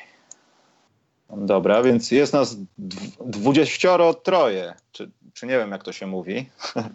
nie, tak poważnie, 23 osoby. Mamy tyle i tyle, jak widzicie i świetnie, że, no nie wiem, może z Karolem to nazwaliśmy opierdziel, ale podoba nam się wasza reakcja. To w zasadzie była trochę nasza wina, że o tym tak mało mówiliśmy, dwa tygodnie temu ale jak najbardziej super dzięki. Y, staram się stworzyć jakiś lepszy sposób, żebyście byli wyświetlani po tych naszych streamach, bo nie powiem, Wiktor już mi następnego podcastu, jeśli nie będzie z Marcinem, to w ten sposób nie obrobi, także proszę was, nie spodziewajcie się cudów, bo Wiktor sam to wszystko zrobił i nie sądzę, że jestem w stanie powtórzyć tą pracę, jeśli chodzi o grafikę. No, Wiktor to jest artysta, trzeba to też shoutout do Wiktora, bo wiesz, możesz się interesować koszykówką, możesz się interesować grafiką i możesz tam sobie coś dłubać, ale takie rzeczy robić to trzeba być naprawdę artystą w tym, co się robi. To jest nie tylko, e... nie, to jest nie tylko rzemiosło, ale to jest coś, coś dodatkowego. No, poza tym wiesz, każdy się może przekonać o tym, jak chce narysować równe kółko. Ja nie należę do tych osób, które potrafią narysować równe kółko. Jeśli masz problem z równym kółkiem, no to znaczy, że już masz problem z rysowaniem. I myślę, że takich osób jest więcej niż tych, które potrafią to robić. A już na takim poziomie, jaki Wiktor to prezentuje, to sorry, to yy, nie mam żadnych pytań. Yy, dobrze, to tyle, jeśli chodzi o ten nasz Patronite. Jak się okazało, Karol Donate offline też mogą wchodzić, także Wchodzą worki jeszcze lepiej. Worki z pieniędzmi się już czekają na was, znaczy na nas, przepraszam. E, właśnie, miałem powiedzieć, e, jutro gdzieś na Facebooku, też tam na blogu napiszę, e, bo chyba u Karola nie, bo Karol to już robił coś takiego, więc nie będziemy tego powielać u Karola, ale walniemy konkursik, jeśli chodzi o Jordanka. Jordan Rules będą, podejrzewam, trzy, może cztery kopie do rozdania, także sprawdzajcie Facebooka. Ja już mam w głowie konkurs, ja już Karol wymyśliłem. To nie będzie nic z tego, co rozmawialiśmy wcześniej. Mhm. To będzie bardzo proste, ale jednocześnie Eee, Zrób no, wsad z linii, kreatywne. i to nagraj. Na mini koszu, który masz powieszony na lustrze w łazience i pokaż, jak rozpieprzyłeś swój kibel. Nie, Karol. Nie będziemy no. takich rzeczy robić. Natomiast, Karol, chyba pochwalimy się tym, co SQN przygotowało. Bo to Aha. chyba jest czas najwyższy, tylko e, wiecie co, przygotujcie jakieś pytanka, ja to wprowadzę tutaj, Karol coś poopowiada, ja to znajdę, żebym, żebym po prostu się nie zapętlił, bo to będzie słabe. Karol, obserwuj czat, ja, ja idę wrzucić to zdjęcie. Dobrze, wrzucaj zdjęcie. Ja czytam pytanie, czy jest jakieś. Co, co myślimy o tradzie po meczu gwiazd Butler, Jimmy Butler do Clippers, a w drugą stronę Teodosic, Wallace i Gortat. Jaki Wallace? Musiałbym się zastanowić. Że co, Karol, bo się zamyśliłem? E, propozycja trade'u no. tutaj na czacie pada po All-Star Game. Jimmy Butler do Clippers za Teodosicza, Gortata i Wallace'a. Jakiego Wallace'a? No, za tego Tyrona Wallace'a? A tego Wallace'a. No, gdybym był, gdybym był Minnesota, to bym nie brał takiego czegoś, nie zgodziłbym się, bo bo mam na stole, znaczy tak mi się wydaje, że są na stole lepsze oferty, chociażby ta Rackets, jeśli jest prawdziwa, cztery piki w drafcie plus y, Brandon Knight plus y, ten młody chłopak z Phoenix, którego nazwiska wyleciało mi z głowy. Więc... O, którym, o którym młodym mówisz? O tym Gilgiusie Aleksandrze? Nie, ten, który przyszedł razem z Brandonem Knightem z Phoenix. A, poczekaj, bo ja, ja dzisiaj nie jestem wyjątkowo multitaskingowy, chociaż w życiu też mi się nie zdarza. Nie, poczekaj, Karol, ja umieszczę to zdjęcie lepiej. Tak, tak, tak. Ty Wallace, tak, ale on Ty się nazywa chyba. Nie, ale on chyba się nazywa Tyron po prostu, ale skracają go. No. Tak każdy, Tyron, każdy Tyron jest Ty. Nieprawda, nie zawsze. Znając afroamerykańskie pamiętasz, imiona. To... Pamiętasz, pamiętasz w NBA grał Tyron Corbin? No raczej. I on był trenerem Utah Jazz, ale Oczywiście. Utah Jazz występował jako Tyron, tylko jako Ty. Poczekaj. Sprawdzę to. A tymczasem. John, John Wall za Kemba Walkera. Bez sensu dla obu stron. Gdybym był Charlotte, nigdy bym, nigdy bym nie, nie, nie robił trade'u dla po Johna Walkera, po Johna Walla, a gdybym był Waszyngtonem, znaczy gdybym Waszyngtonem był, to chciałbym to zrobić, tylko że nikt tego nie zrobi, bo w przyszłym roku wchodzi nowy kontrakt Johna Walla i jest tam, tam taki trade kicker, że jeśli go sprzedasz, to, to, to więcej niż musiał mu zapłacić. To jest, ten, ten kontrakt jest prak praktycznie nie do ruszenia. Znaczy nie ma w NBA kontraktów nie do ruszenia, ale będzie bardzo, bardzo ciężko go ruszyć. Więc jeśli jestem Charlotte, to się na, na to nie zgadzam. Jeśli jestem Waszyngtonem, to, to modliłbym się o to, ale ale to jest niewykonalne. Znaczy jest bardzo, bardzo mało wykonalne. Tym bardziej, że, tym bardziej, że Kemba Walker na schodzącym kontrakcie, który pół roku posiedzi w szatni w Waszyngtonie i powie aha, to ja dziękuję, do widzenia. Ja się z tym absolutnie nie zgadzam, co Karol powiedziałeś, bo w Minnesocie jest wszystko możliwe i to też może dojść do skutku. Ja bym nie był kompletnie zdziwiony, jakby Zach Lawin poszedł do Chicago, a Butler wrócił do Chicago. Ja naprawdę bym, bym nawet nie, nie, nie powiedział o, jakbym zobaczył to w internecie. Naprawdę. Nie wierzę skurczybykom. Ale którym? Wszystkim ogólnie? Z Minnesoty, nie. Bo każdy, kto teraz gada z Minnesotą, ma na myśli to, żeby wykorzystać sytuację i, no wiem, znowu powiem to brzydkie słowo, ale ich trochę wydymać. W sensie wziąć, wziąć jakość Butlera, ale oddać tak nie za dużo, bo może pękną. Kiedyś, no nie wiem, sezon 2 można było tak mówić o Sacramento Kings. Wiesz. No ale wiesz, sprawa jest prosta. Im dłużej Minnesota będzie zwlekać, tym cena za Butlera będzie spadać, bo im bliżej jest trade deadline, tym coraz bliżej do tego, że za kilka miesięcy Jimmy Butler będzie zupełnie wolnym człowiekiem. Chociaż z drugiej strony Jimmy'emu też w zasadzie powinno zależeć na tym, żeby pójść do drużyny, z którą ewentualnie wiąże swoją przyszłość, dlatego że ona nabiera jego praw Berda i może zarobić więcej z tytułu nowego kontraktu. Więc teoretycznie Jimmy Butler też nie powinien, yy, znaczy powinien chcieć współpracować z Minnesotą na tym polu i, i listę drużyn, do, do których chciałby pójść, mógłby trochę rozszerzyć. To ułatwiłoby Minnesocie y, działanie. Oczywiście, że Tyron ma na imię. Sprawdzane to jest w kilku źródłach. Chciałem zdementować, Karol. E, dobrze.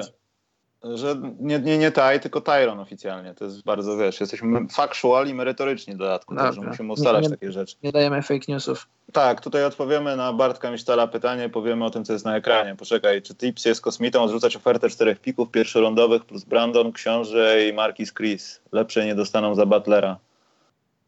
Ja nie ja wiem, też uważam, nie dostaną za Butlera. Wiesz co, ja też, ja też uważam, że to jest bardzo, bardzo dobra oferta. To znaczy no, wchodzisz w kontrakt Brandona Knighta, to jest dwa razy po 15 to jest jakiś problem. To może być problem z tym, że jeśli Brandon Knight będzie zdrowy, a, a nie mamy na to gwarancji, to, to jest zawodnik, który, który jest nie gorszy niż, e, niż e, Jeff Teague, który teraz rozgrywa w Minnesocie.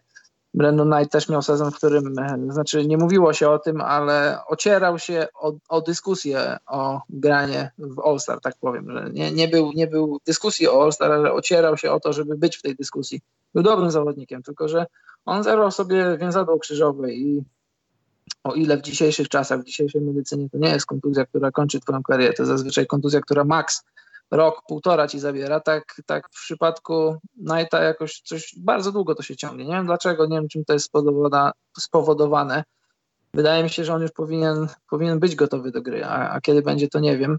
Ale te cztery wybory w drafcie są super, dlatego że te wybory nie są w czterech kolejnych latach, tylko to jest 2019, 2021, 2023 i 2025, czyli to już będzie na, na długo po tym, jak, jak Tom Thibodeau odejdzie z Minnesota i to będzie jeszcze czasach, kiedy i Carl Anthony Towns i, i Andrew Wiggins będą w zasadzie wchodzić w swój prime, więc to, to, to jest coś, co co dwa lata będzie dostarczać świeżej krwi e, Minnesocie, a też patrząc na to, jak skonstruowani są Rockets, na ile lat jest to krojony plan, to wydaje mi się, że no, w tym roku to nie, za dwa lata pewnie też nie, ale, ale, ale ten kolejny pik 2023 to już może być coś, coś może być wysokiego, bo nie sądzę, znaczy ciężko powiedzieć, jak to się ułoży, no ale zapewne to już będzie bez Chrisa Pola, a czy będzie to z Hardenem, ciężko powiedzieć. Harden już niedługo będzie dobijał do 30, czy będzie chciał kończyć karierę w Houston, tego nie wiemy. Ale z biegiem lat te, te wybory będą coraz lepiej wyglądać. Bo nie spodziewam się, żeby przez najbliższych, yy, najbliższych 7 lat Rockets byli kontenderem. Yy, no, a poczekaj, Arszawin coś napisał na temat Wallace'a. Tak, on miał świetnych kilka spotkań tak bliżej tej drugiej połówki sezonu, ale wiesz co grali wtedy Clippers. To jest taki case, wiesz, na Lou Williamsa. A, to będę sobie rzucał i tak gówno gramy. I to wychodziło, pamiętam, fantazy, kurczę, no, on był dobry. No. Trochę ograniczony, bo może ta defensywa nie jest super ekstra, ale taki, wiesz, taki Lou Williams 2-0 może. Chociaż też z tą trują, to Clippers akurat się źle nie wiedzie, no ale Wallace ma sporo konkurencji niestety. E, dobra, e, powiedzmy o tym Karol pakiecie. Ja nie wiem, co mam myśleć o tym pakiecie. Jak go dostanę, to, to powiem, ale jak już mówiliśmy wcześniej, będzie taki pakiecik do książki, mhm. gdzie są różne gadżety, Karol. Tak. Nie wiem, czy zwrót Book of Basketball jest spoko.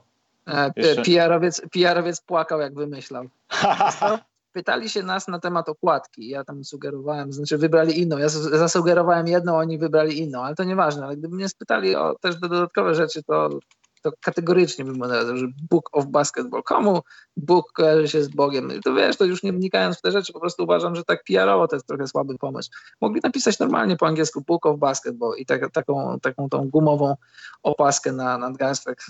Wiesz, czy, czy ktoś to nosi, czy nie, to jest, to jest drugorzędna sprawa, ale że Book of Basketball, no Bóg, God, nie, nie, nie bardzo, nie bardzo, nie pasuje mi to.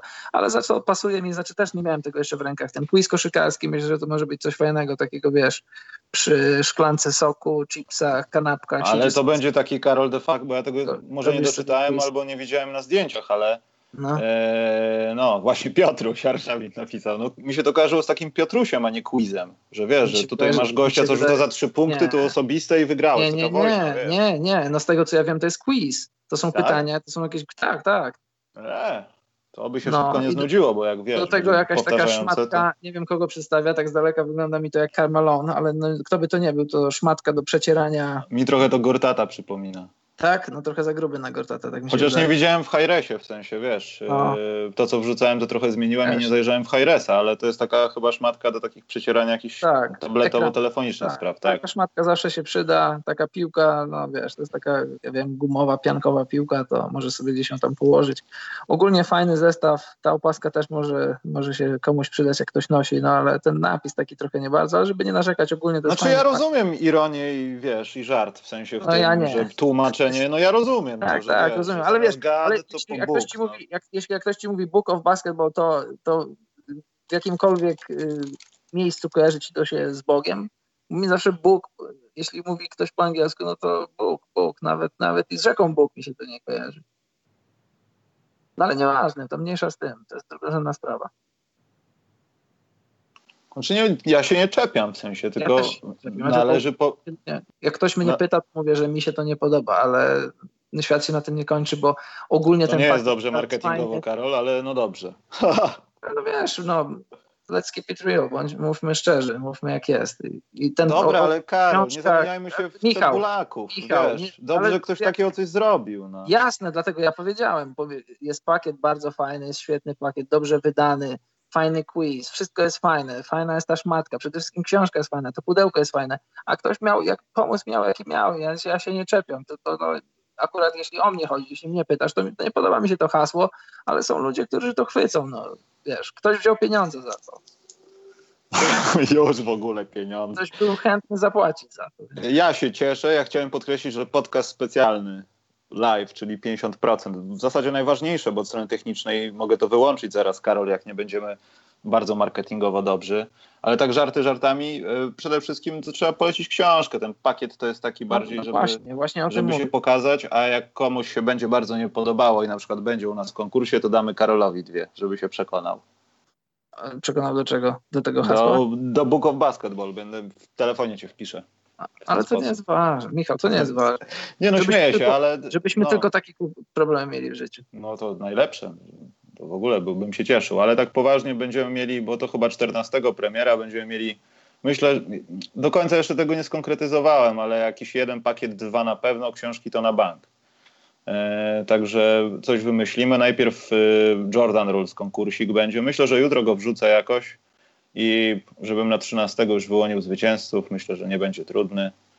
E, przejdźmy, Karol, do innych pytanek. Ja muszę usunąć buga, buga w basketball. Nie wiem, jakby to A zmieniać teraz. W międzyczasie no. wpisałem, wpisałem na Twitterze hashtag Book of Basketball, tak jak jest tutaj, i, i nic. Właśnie o to chodzi, że nic.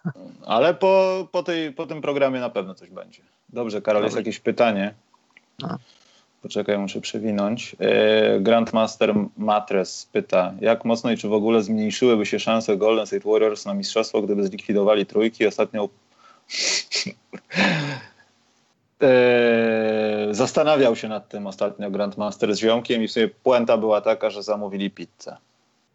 Myślę, że nie możemy tego bardziej spuentować, ponieważ to by zależało od wielu czynników. No. Od tego, jakby się przełożyła cała gra. Bo jeśli wszystkie inne zespoły, które aspirują teraz o wyższe cele, nagle by straciły linię za trzy punkty, no to powstaje chaos w kosmosie. I ten pierwszy, kto się przystosuje, to jest trochę takie zdobycie tytułu po lokaucie, który, gdzie w sezonie masz 50 spotkań. To nie jest rzecz w talencie, który wykształcisz, tylko to, co masz teraz i troszeczkę to podkręcisz. No, jakbyś nalał lepszego paliwa do samochodu, albo gorszego. Albo będzie jechał lepiej, albo stanie. Myślę, że Ale ten dalej... proces musiał, musiałby trwać i nie sądzę, żeby Golden State Warriors byli bardzo by na tym stratni, bo tak jak rozmawialiśmy ostatnio przy okazji tego, co by było, gdybyśmy usunęli linię za trzy punkty, te głębokie rzuty mogły być konsekwencją tego, że pod koszem nie jesteśmy w stanie się masować, a nikt dalszej odległości z biegiem czasu w takiej sytuacji by już nie krył. Więc i tak byśmy rzucali za dwa ale z 10 stóp powiedzmy. Ja też tak myślę, że no wiadomo, trochę, trochę matematycznie straciliby Warriors, ale nie tylko oni, wszyscy by stracili. A fakt posiadania Kleja Thompsona, Karego i KD i Gudali i, i, wymień tam sobie jeszcze kilku zawodników, którzy też potrafią strzelać cały czas rozciągasz grę, cały czas jesteś w stanie to robić i cały czas masz KD, który, który, który potrafi operować w każdym punkcie boiska i tyłem do kosza, i przodem do kosza i potrafi kreować dla samego siebie, więc cały czas ci zawodnicy potrzebują podwojeń, a jeśli podwajasz jednego, to, to, to drugi jest niekryty, jeśli podwajasz drugiego, to trzeci jest niekryty, zawsze znajdzie się ktoś, kto jest niekryty, kto może oddać rzut i nadal jest to rzut za dwa punkty, ale to jest rzut oddawany z, z dalszej odległości, i to jest rzut, który powoduje, że twoja drużyna cały czas ma spacing, cały czas ma miejsce do, do atakowania obręczy. I więcej byłoby penetracji, więcej penetracji ze strony KD, bo KD, przypomnijmy, też ma 2,10 wzrostu, nawet trochę więcej. Więc cały czas może atakować obręcz, cały czas może być e, tak zwanym slasherem, który odgrywa i do Playa, i do KD. I dalej w moich oczach Warriors byliby faworytem. Może, może minimalnie, minimalnie te szanse, znaczy ciężko mówić, że byłyby mniejsze, bo każdemu by się zmniejszyło, ale no, jak dla mnie aż tak wiele by się nie zmieniło. Warriors dalej byliby faworytem.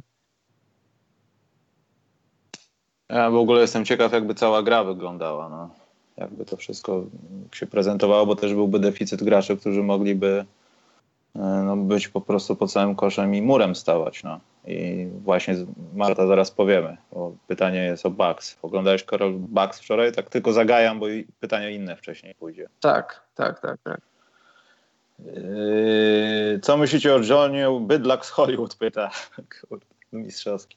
Co myślicie o Johnie Wallu w Magic? All in czy na? Myślę, że wiesz co, John Wall jest w ogóle chyba na i bardzo dużo musi minąć.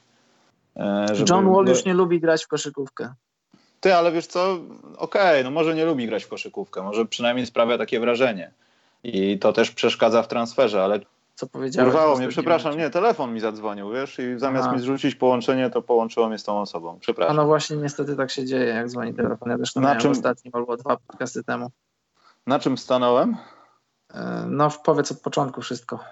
Aha, chodzi o to, że John Wall myślę, że dalej przed nim jest tylko jedna, jedna jakaś tam, nie wiem, pytanie takie, czy w takiej dobrej drużynie mistrzowskiej John Wall będzie Johnem Wallem i będzie przydatnym graczem, czy dopiero zostanie już na amen skreślony. Bo John Wall ma takiego foszka trochę chyba. że nie idzie nam znowu, nic się nie zmieniło, mimo że twierdzę, że świetnie jest. Czasami pokazuję z Billem, że tak się kochamy, a na drugi dzień jest niedobrze. Już mówiliśmy o mowie ciała i jego takim bucowatym zachowaniu. No, może nie bucowatym, ale jakiejś takiej. Yy, nie wiem, nie chcę nazwać tego paranoją, ale takim chorym zdenerwowaniem, że ja w końcu muszę być lepszy, moja drużyna musi więcej robić, a tak naprawdę to jest bagno, które zatrzymuje ich w miejscu i defensywa nie istnieje na przykład. A to też są kłopoty psychiczne, niedogadanie, brak komunikacji, kłopot. I, a i tak, tak ja tu mówiłem ostatnio, przerośnięte ego, przerośnięte ambicje, to, to później wiesz, jak, jak, jak przekraczasz granicę motywacji, to jesteś przemotywowany i w ogóle to nie wygląda dobrze i grasz jakieś wewnętrzne gierki z samym sobą w obrębie meczu I, i, też z Johnem Wallem jako pierwszą opcją nie zdobędziesz mistrzostwa. John Wall może być w drużynie walczącej o tytuł, John Wall może być maksymalnie, maksymalnie drugą, drugą opcją moim zdaniem. I to też taka dobra wersja Johna Walla, taka Johna Walla wersja, która jest pogodzona z tym, że jest drugą opcją w drużynie, a nie rywalizująca Bradleyem Billem czy z kimkolwiek innym, bo gdybyśmy go teraz sparowali z KD, to ja podejrzewam, że przynajmniej to zajęłoby sezon dwa, żeby on zrozumiał, że jest drugą opcją. My już to widzieliśmy, jak, jak KD walczył, to znaczy Westbrook walczył.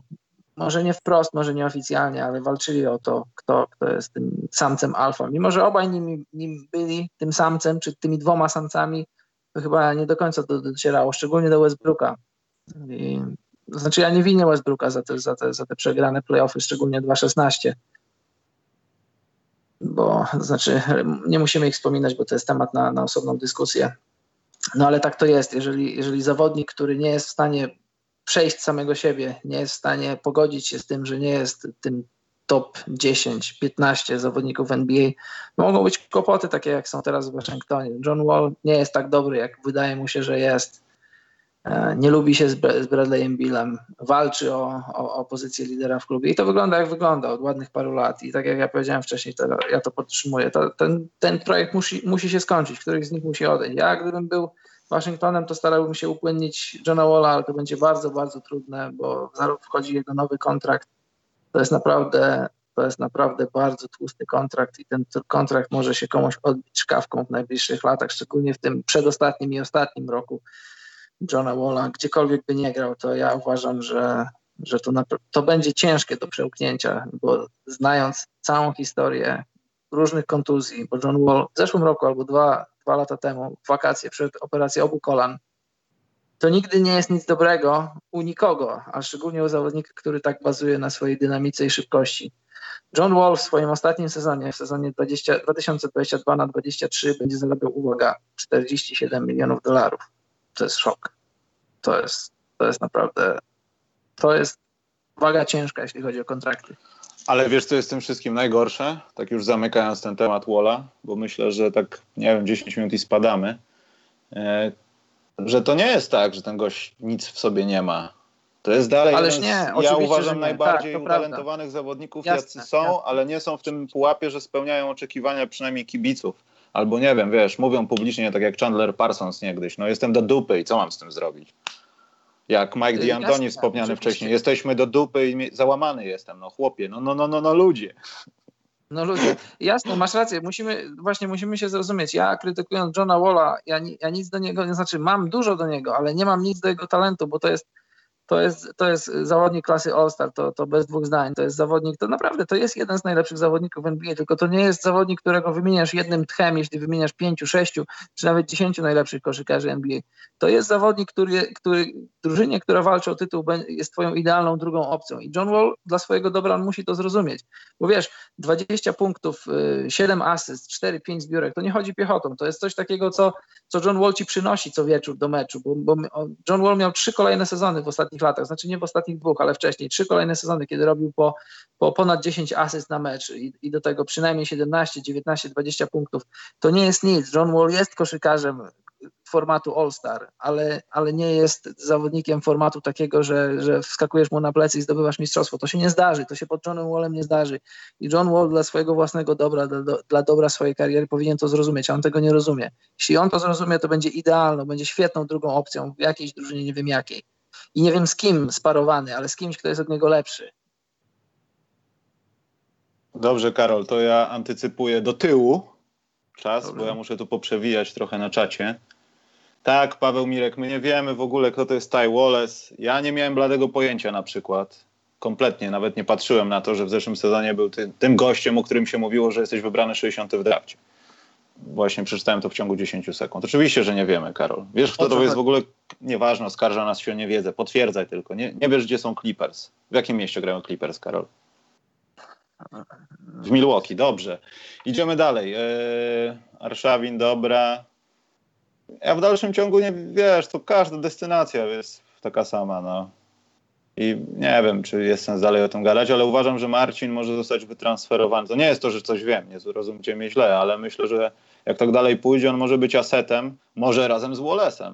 E, gości, którzy wypadli z rotacji, chociaż Wallace wróci. Myślę, że oni będą potrzebowali tego kopa ofensywnego od niego z jakiejkolwiek strony, chociaż no też nie jest gościem, co wali 40% za 3, ale mimo wszystko też jest jednym z tych ludzi, którzy mogą zostać oddani w jakiejś paczce do meczu gwiazd, czyli do albo do po meczu gwiazd, do zamknięcia okna transferowego. Tak mi się wydaje. Yy, Karol Arszawin napisał, że po wpisaniu Book of Basketball wyskoczył yy, Trybański. Nie wiem, czy to jest żart, czy nie.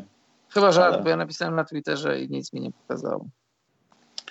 E, Marta Wenta pisałaś o. Ja myślę, że koło fortuny można jakieś zrobić w następnym. Myślę, że coś można w kole, w kole fortuny. Zobaczymy, czy będą Book of Basketball do rozdania. Dobra, czekaj, Karol, czy ten. Bartek Misztal pyta. Nie uważacie, że obecne Rookie Power Rankings nie odzwierciedlają rzeczywistości? Gdzie jest Jaren Jackson? Trochę w dupie. Wendell Carter wychodzi z dupy. Alonso Trier nie wiem, gdzie jest co, co Young i Ayton robią w top 5. Nie wiem, dlaczego można byłoby uważać, że Ayton mógłby być poza 5. Nie, no nie przesadzajmy, nie przesadzajmy. Myślę, że to jest jakieś 3, no. Bo tak naprawdę, no co, no ja mogę to odszczekać. Na razie troszeczkę to odszczekuję, że Trey Young wygląda znacznie lepiej i w końcu przypomina gościa, który coś w tego kosza gra. Już pal że to wygląda brzydko, no ale popatrzmy na jego cyfry. No. Nawet w słabej Atlancie nie byłoby tak łatwo zrobić tego przeciwko niektórym drużynom. Też nie grałem, nie, nie oszukujmy się, z jakimiś tuzami, no ale mimo wszystko no, sami są wiadomo gdzie. W porównaniu z Cleveland no, to jest w ogóle różnica poziomów. I zgadzam się z tym, że Cleveland zostałoby ograne przez Duke po jakiejś dogrywce. Nie, to nieprawda. No to prawda, w 100% prawda. Nie, bez, Kevina, bez Kevina Love, stary, Zion Williamson jest, jest, przejechałby jest, połowę tych koleści tam. O, to jest bardzo ciekawy temat. Jest zawsze, zawsze kiedy zaczyna się sezon NCAA i jest jakaś wyróżniająca się drużyna, która mm, miecie wszystkich, tak jak teraz. Karol, Karol ale poczekaj, daj mi to, się drużyna. Tam jest tak, ale trzech mi, gości, o których będziemy gadali przez najbliższe tak, 10 lat, mam, miejmy nadzieję. Tak, posłuchaj. E, są, jest drużyna, która wygrywa w NCAA i, i, rozbudza wyobraźnię, jak to ci ludzie będą wyglądać w NBA. Jest sparowa, sparowywana z najgorszą drużyną NBA i czy ta drużyna by wygrała. To jest odwieczna dyskusja. Dyskutujemy o tym od dekady, co roku, co dwa lata. Kiedyś pojawia się wyjątkowo słaba drużyna w NBA i wyjątkowo dobra w NCAA. Ta drużyna by nie wygrała. To są, to są młodzi chłopcy, którzy, którzy A, fizycznie, B, psychicznie, doświadczenie i wszystko nie przemawia za nimi zawodnicy, którzy grają w NBA, w tej najsłabszej drużynie NBA, dajmy na to Cleveland czy ktokolwiek inny, to są ludzie, którzy tak samo jak oni przeszli przez całe sito selekcji. To, to, to nie są ugórki, to są ludzie, którzy grali w NCAA i też byli wyróżniającymi się postaciami. NBA spłyca, NBA spłyca talent, ale jak widzisz, że, że zawodnicy na, y, y, ni stąd, ni zowąd, taki Terence Ross potrafi ci zdobyć 50 punktów. I, a Terence Ross na, na co dzień nie wygląda jak, jak ktoś nie wiadomo, jak ktoś nie wiadomo kto ci ludzie, którzy dostają się NBA, przechodzą wielką, wielką selekcję i, i później z gwiazd koszykówki uczelnianej czy gwiazd koszykówki innych lig stają się często ostatnim zawodnikiem z ławki, co nie, co nie zmienia faktu, że ci ludzie dostali się w NBA i w NBA się utrzymali. I myślisz, że, że taki George Hill, taki, taki nie wiem kto, Larry Nance i inni zawodnicy e, Cleveland, gdyby ambicjonalnie do tego podeszli, przegraliby z Duke, nie ma najmniejszych szans, znaczy mniejsze, są małe szanse na to, żeby Duke wygrało ten mecz, ale Duke by tego meczu nie wygrało. To wszystko wygląda fajnie, tak jak porównujesz sobie, oglądasz highlighty Duke z innymi studentami i oglądasz Cavs, którzy są lani przez inne drużyny NBA, ale tak sparowują, gdyby się dało ich sparować jeden do jednego, nie ma najmniejszych szans, żeby zawodowi koszykarze przegrali ze studentami. Nie ma, naprawdę. Dobrze. Znaczy, nie to, że ja zaczynam hype. Ja chciałbym, żeby tak było i Ja wiem o tym, że można dać się oszukać. Duke grali, o, akurat oglądałem powtórkę shutout z Sebastianem Hetmanem, rozmawiałem z nim trochę na ten temat i to nie jest tak, że ten mecz, ten 118-84 bodajże, ten, o którym można powiedzieć rozmawiamy i od którego zaczęła się dyskusja, to był mecz z jedną z najlepszych drużyn w NCAA. Ja wiem, że Krzysiek Kosidowski zaraz odetnie mi głowę, ale chyba takie są fakty. I jeśli to tak wygląda, to możemy się sugerować, że faktycznie, tak jak powiedziałeś, to jest znowu zgrana grupa ludzi i tak dalej. Ale zadam ci Karolinne pytanie. Czy według ciebie ludzie, którzy grali w Michigan, w Fab Five, nie ograliby wtedy najgorszej drużyny NBA? Nie, na 100% nie. A mi się wydaje, że nie możesz powiedzieć na 100%. Nie, wiesz, wiesz co, Michał, właśnie to chodzi o to, że... Bo na, na, ja nie twierdzę, rozumiem, Karol, tak, że Zion ja Williamson rozumiem. będzie jeździł, jeździł przez LeBrona Jamesa, ale to jest, to nie jest utalentowany kolejny koleś, który idzie sobie do NBA. To jest gość, który, ja nie chcę porównywać go na przykład do Doncicza, e, ale to jest gość, który zaczyna coś, co będziemy stety, niestety widzieli w NBA w następnych latach że już absolutnie ja się... nie masz żadnych barier. Możesz być kimkolwiek. Ważne, żebyś miał odpowiednie właściwości, żeby być tym bogiem of basketball. I Zion będzie może bogiem of basketball. Ma największe szanse, jak nie wiem, w ciągu ostatnich siedmiu lat chyba nie było takiego zawodnika, który tak się prezentuje. A on jest gówniarzem. Jasne, Michał, tak może być. Ja tu nie odbieram gwiazdom Duke, że one będą. One mogą być wielkimi gwiazdami NBA, ale spójrz, taki daleko nie trzeba szukać. Twoje chicagowskie podwórko, Lauri Markkanen, Larry Markkanen, kiedy został wybrany w drafcie, zanim, zanim trafił do NBA, e, był w Chicago, trenował, później przyjechał do Europy, zagrał Eurobasket w Finlandii, w Helsinkach. I między tym, jaką wersję Laurego Markkanena miałeś podczas tamtego Eurobasketu, a po roku w NBA, to jest, to, jest, to jest kolosalna różnica. Jeśli mogłeś go zobaczyć z bliska, a ja mogłem zobaczyć go z bliska, jeśli mogłeś go zobaczyć, jak wygląda, w ogóle jak, jak, jak, jak się porusza, jak w ogóle e, no dobrze, Karol, ale, jak, jak rozmawia, ale poczekaj. To, że tak, ale Laury na mistrzostwach wyglądał świetnie. Tak, więc... wyglądał świetnie. A po roku, a po roku w NBA wygląda e, razy, no nie wiem ile, e, jeszcze lepiej, jeszcze świetniej. Chodzi mi o to, że ludzie, którzy dostają się do NBA, to nie są ludzie przypadkowi, to są, to są te, to, to, wiesz, Zion Williamson to może być osobny przypadek, to może być ktoś, kto się zdarza raz na, raz na kilka pokoleń i to jest prawda. Z tym jestem w stanie się zgodzić, patrząc na, na, jego, na, jego, na, na jego fizyczność ale chodzi mi o to, że, że zawsze, kiedy masz słabe drużyny w NBA, to, to, to, to, zawodnicy grający w tych drużynach wyglądają słabo, siłą rzeczy. Jeżeli Cavs zagrają z Warriors, to Cavs będą wyglądali jak, jak chłopcy, których ty lejesz na WF-ie codziennie, znaczy jak chodziłeś do szkoły, jak chodziliśmy, wiesz, jak chodziłeś do szkoły też pewnie miałeś takie złudzenie i wydawało nam się, że będzie nam łatwo wejść do NBA, bo ci zawodnicy tych słabych drużyn, oni wyglądają słabo. To tylko tak wygląda, a, a z kolei ci świetni zawodnicy, studenci wyglądają na, na, nie wiadomo kogo, bo grają na tle innych studentów. To jest, jest naprawdę kolosalna różnica. To jest koszykówka i to jest koszykówka, ale, ale sam ro, jeden rok bycia w NBA, jeden rok możliwości trenowania w NBA, ogrywania się z tymi wszystkimi ludźmi. Gdyby Larry Nance mógł teraz wrócić na studia, on by niszczył. Gdyby George Hill mógł wrócić na studia, on by niszczył.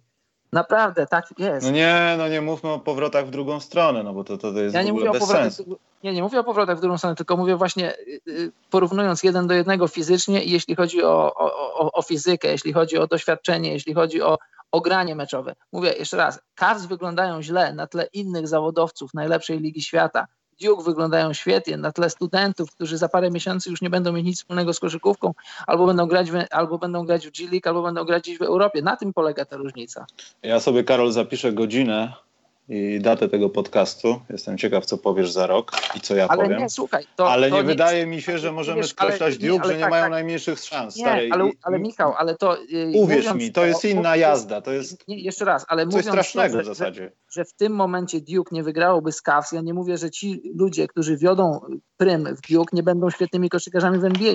Zapewne będą. Życzę im tego, żeby byli i patrząc na nich, patrząc na ich ciała, patrząc na ich talenty, zapewne tak będzie, zapewne oni wejdą do, do NBA i będą kimś w tej lidze, ale na ten moment, kiedy oni są studentami, kiedy trenują jak studenci, grają jak studenci, gdyby przyszło im zagrać z zawodowcami z NBA, którzy mają doświadczenie już w lidze, mają, mają, yy, mają doświadczenie, mają ciała, mają ogranie, mają wszystko, nie, nie wygraliby, po prostu by nie wygrali. Oczywiście, żeby wygrali. Boże, Karol, Nie, znaczy nie, dobra, to też bez, bez sensu, bo to się deprecjonuje, jak powiedziałeś, zawodników. Natomiast ja twierdzę, że mogliby śmiało grać e, z, z, takim Cleveland i wcale nie wyglądaliby gorzej. Prawdopodobnie by przegrali, masz rację, ale ja bym nie dawał 100% szans dla Cleveland, że są w NBA, mają skład, ale mówię o tym składzie, który gra teraz. Ja nie mówię o tym, że nagle wraca, dobra, to przeszło mi Kevin Love i bo musimy wygrać. Tylko w tym momencie bierzesz taką Atlantę, takie Cleveland, to może Atlantę nie, no ale Cleveland bierzesz takie i grasz nimi. I szanse mogą być 70 do 30, ale ja całkowicie tego bym nie skreślał, bo nie to, że jestem przehypowany, bo nie oglądam NCAA. Zdarza mi się oglądać przeważnie te najlepsze prospekty, ale jeszcze nie widziałem takiej sytuacji, że naprawdę tych trzech kolesi, to nie chodzi nawet o Williamsona, tu chodzi o to, że ich jest trzech. A sam Duke sam w sobie poza tą trójką ma jeszcze kilku zawodników, którzy mogą im pomagać. I oni dzięki temu właśnie, że już Duke ich wy, wybrało, bo to jest w ogóle jakaś chora sytuacja. Trzech takich gości mieć w jednej ze... No, Golden State Warriors myślę, że Kevinem Durantem nie zszokowali konkurencji, tak jak to się stało z tą trójką. Barrett, Reddish i Williamson w człowieku. To są... To, ja nie chcę skreślać nikogo, no ale wiadomo, na Zajona najwięcej się stawia, ale tych trzech gole, kolesi już naprawdę wygląda dobrze. Tylko pytanie jest takie, co się stanie, to o tym z Sebastianem rozmawiam a propos Zajona. Co się stanie, jak Zajon dostanie pierwszej kontuzji? Bo on też taki super idealny nie jest. Jest ciut grubiutki, jest taki, nie taki jak na zdjęciach z Photoshopa, kiedy wchodzili w sezon i mieli prezentację. Tam też jest wiele wątpliwości, ale jak na razie to wygląda na co by było, gdyby LeBron poszedł do NCAA z high schoolu? Tak to trochę wygląda. No. A jeszcze, jeszcze wracając do Cavs, zobacz, Jordan Clarkson, zawodnik, który, no wiesz, ma swoje, ma swoje przebłyski bycia koszykarzem przyzwoitym, ale ogólnie jest koszykarzem, wszyscy wiemy jakim, no, minusowym. A Jordan Clarkson dla reprezentacji Filipin e, tego lata, o wiesz, grał jak pół Bóg.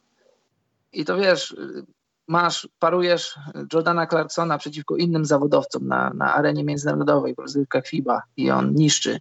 I teraz stawiasz go naprzeciwko studentów. Też by niszczył, też by niszczył. I takich zawodników jest kilku w Cleveland i, i oni nagle zaczęliby wyglądać jak, jak, jak kandydaci do mistrzostwa NBA. Tak by było, no niestety. Zobacz, nie, Osman, z tym się to się w ogóle nie zgadzało. Z czym się byś nie, czym się nie zgadza? Zobacz, no Osman, tak, że to byłaby aż taka różnica.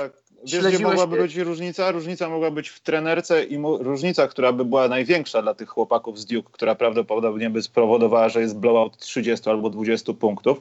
Ta adaptacja do zasad NBA, bo mimo, że były zmiany w NCAA, to dalej jest inaczej pod względem przepisów. A ty 100 razy nie możesz się odwracać do trenera i pytać, coach, co się stało? Przecież ja byłem tam. Nie, tutaj tak nie można, stary.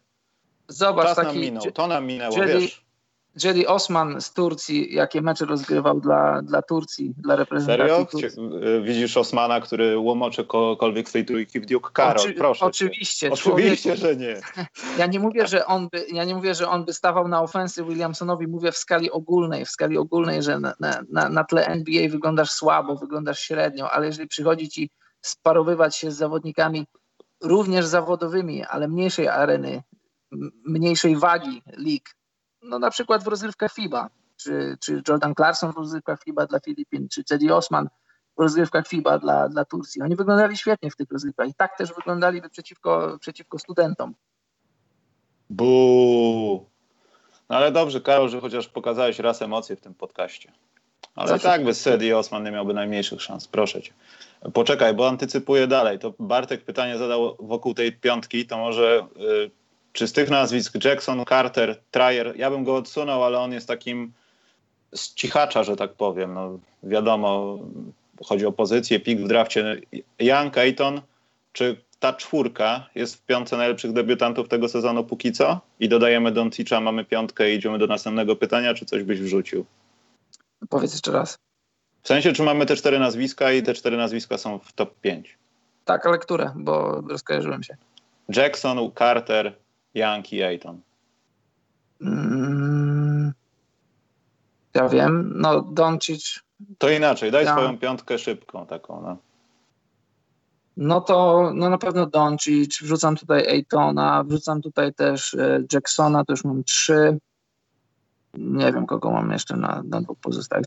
Trajera z Nowego Jorku mogę wrzucić ewentualnie. Trajer dla mnie to byłby taki gdzieś egzekwo piąty, szósty, no, biorąc no, pod tak, uwagę, no, jak właśnie, jest tak na piątego. No mam tak jeszcze raz. Y, Doncic, Young, Ayton to jest trzy. E, Jackson to jest czwarty i na piątce mogę mieć Bagleya, ostatnio dobrze wygląda, no. mogę mieć Tayera, mogę mieć Shea Gil, Gilgrisa Aleksandra. Gilgius, musi, nie, to jest najdłuższe Gilgius, nazwisko Gilgius. na koszulce, tak notabene w historii. G, G to jest bardzo, bardzo takie tricky litera, bo ona może być w różnych wymawiana jako G, jako G, zależy, zależy jak on to patrzysz. A jak Karol się wymaga, że zaraz wymawia, że zaraz zrobimy dwie godziny? No. nie, dobra, poważnie, przyspieszymy trochę. Po szwedzku, powiedz to po szwedzku, no słucham. No po szwedzku też G właśnie jest takie trochę nefrologiczne. Ale, bo ale zdanie często, powiedz całe. Często G wymieniasz jako J, na przykład jest miasto Göteborg, a po szwedzku masz Göteborg, zaczyna się na G i kończy na G, a po szwedzku to jest Göteborg. Dwa razy J. No, bawiąc uczy, ucząc bawi. Eee, Bartek Misztal, kitowcy Denver Nuggets porwali Michała. Oni byli kitowcy czy gitowcy? Nie, kitowcy chyba. To chyba z tych z Power Rangers było. Boże, jakie to było okrutne na tym Polsacie. Eee, pytają nas tutaj, słuchaj, o te nowe koszulki. To City Edition chyba tak jest. Tak. Eee, na przykład Paweł Mirek napisał, że Nola są fajne. Ja mi tak średnio, mi też na nie. E, mi się podoba nie Miami. Ogólnie, co do, co, do, co do konceptu, jestem na nie. Oczywiście w obrębie tych 30 drużyn tego City Edition jest kilka koszulek, które mi się bardzo podobają, niektóre mi się średnio podobają. Ogólnie co do konceptu, co do pomysłu, yy, to jestem na nie. Za dużo jest już tych koszulek. Yy, I to ja nie mówię, że. No ale to wiesz, to jest tak jak pisali zawsze na tych yy, prospektach, to nazywałem, jak byłem mały, Lego, że codziennie nowa zabawka. To tak, ja wiem, ale właśnie, właśnie z tego względu mi się to nie podoba. Masz strój domowy, masz strój wyjazdowy, masz strój alternatywny i powiedzmy jakiś tam retro i w obrębie tego możesz sobie tam szafować tym w zależności od tego, z kim grasz. Za dużo jest tych alternatyw od, od, od strojów.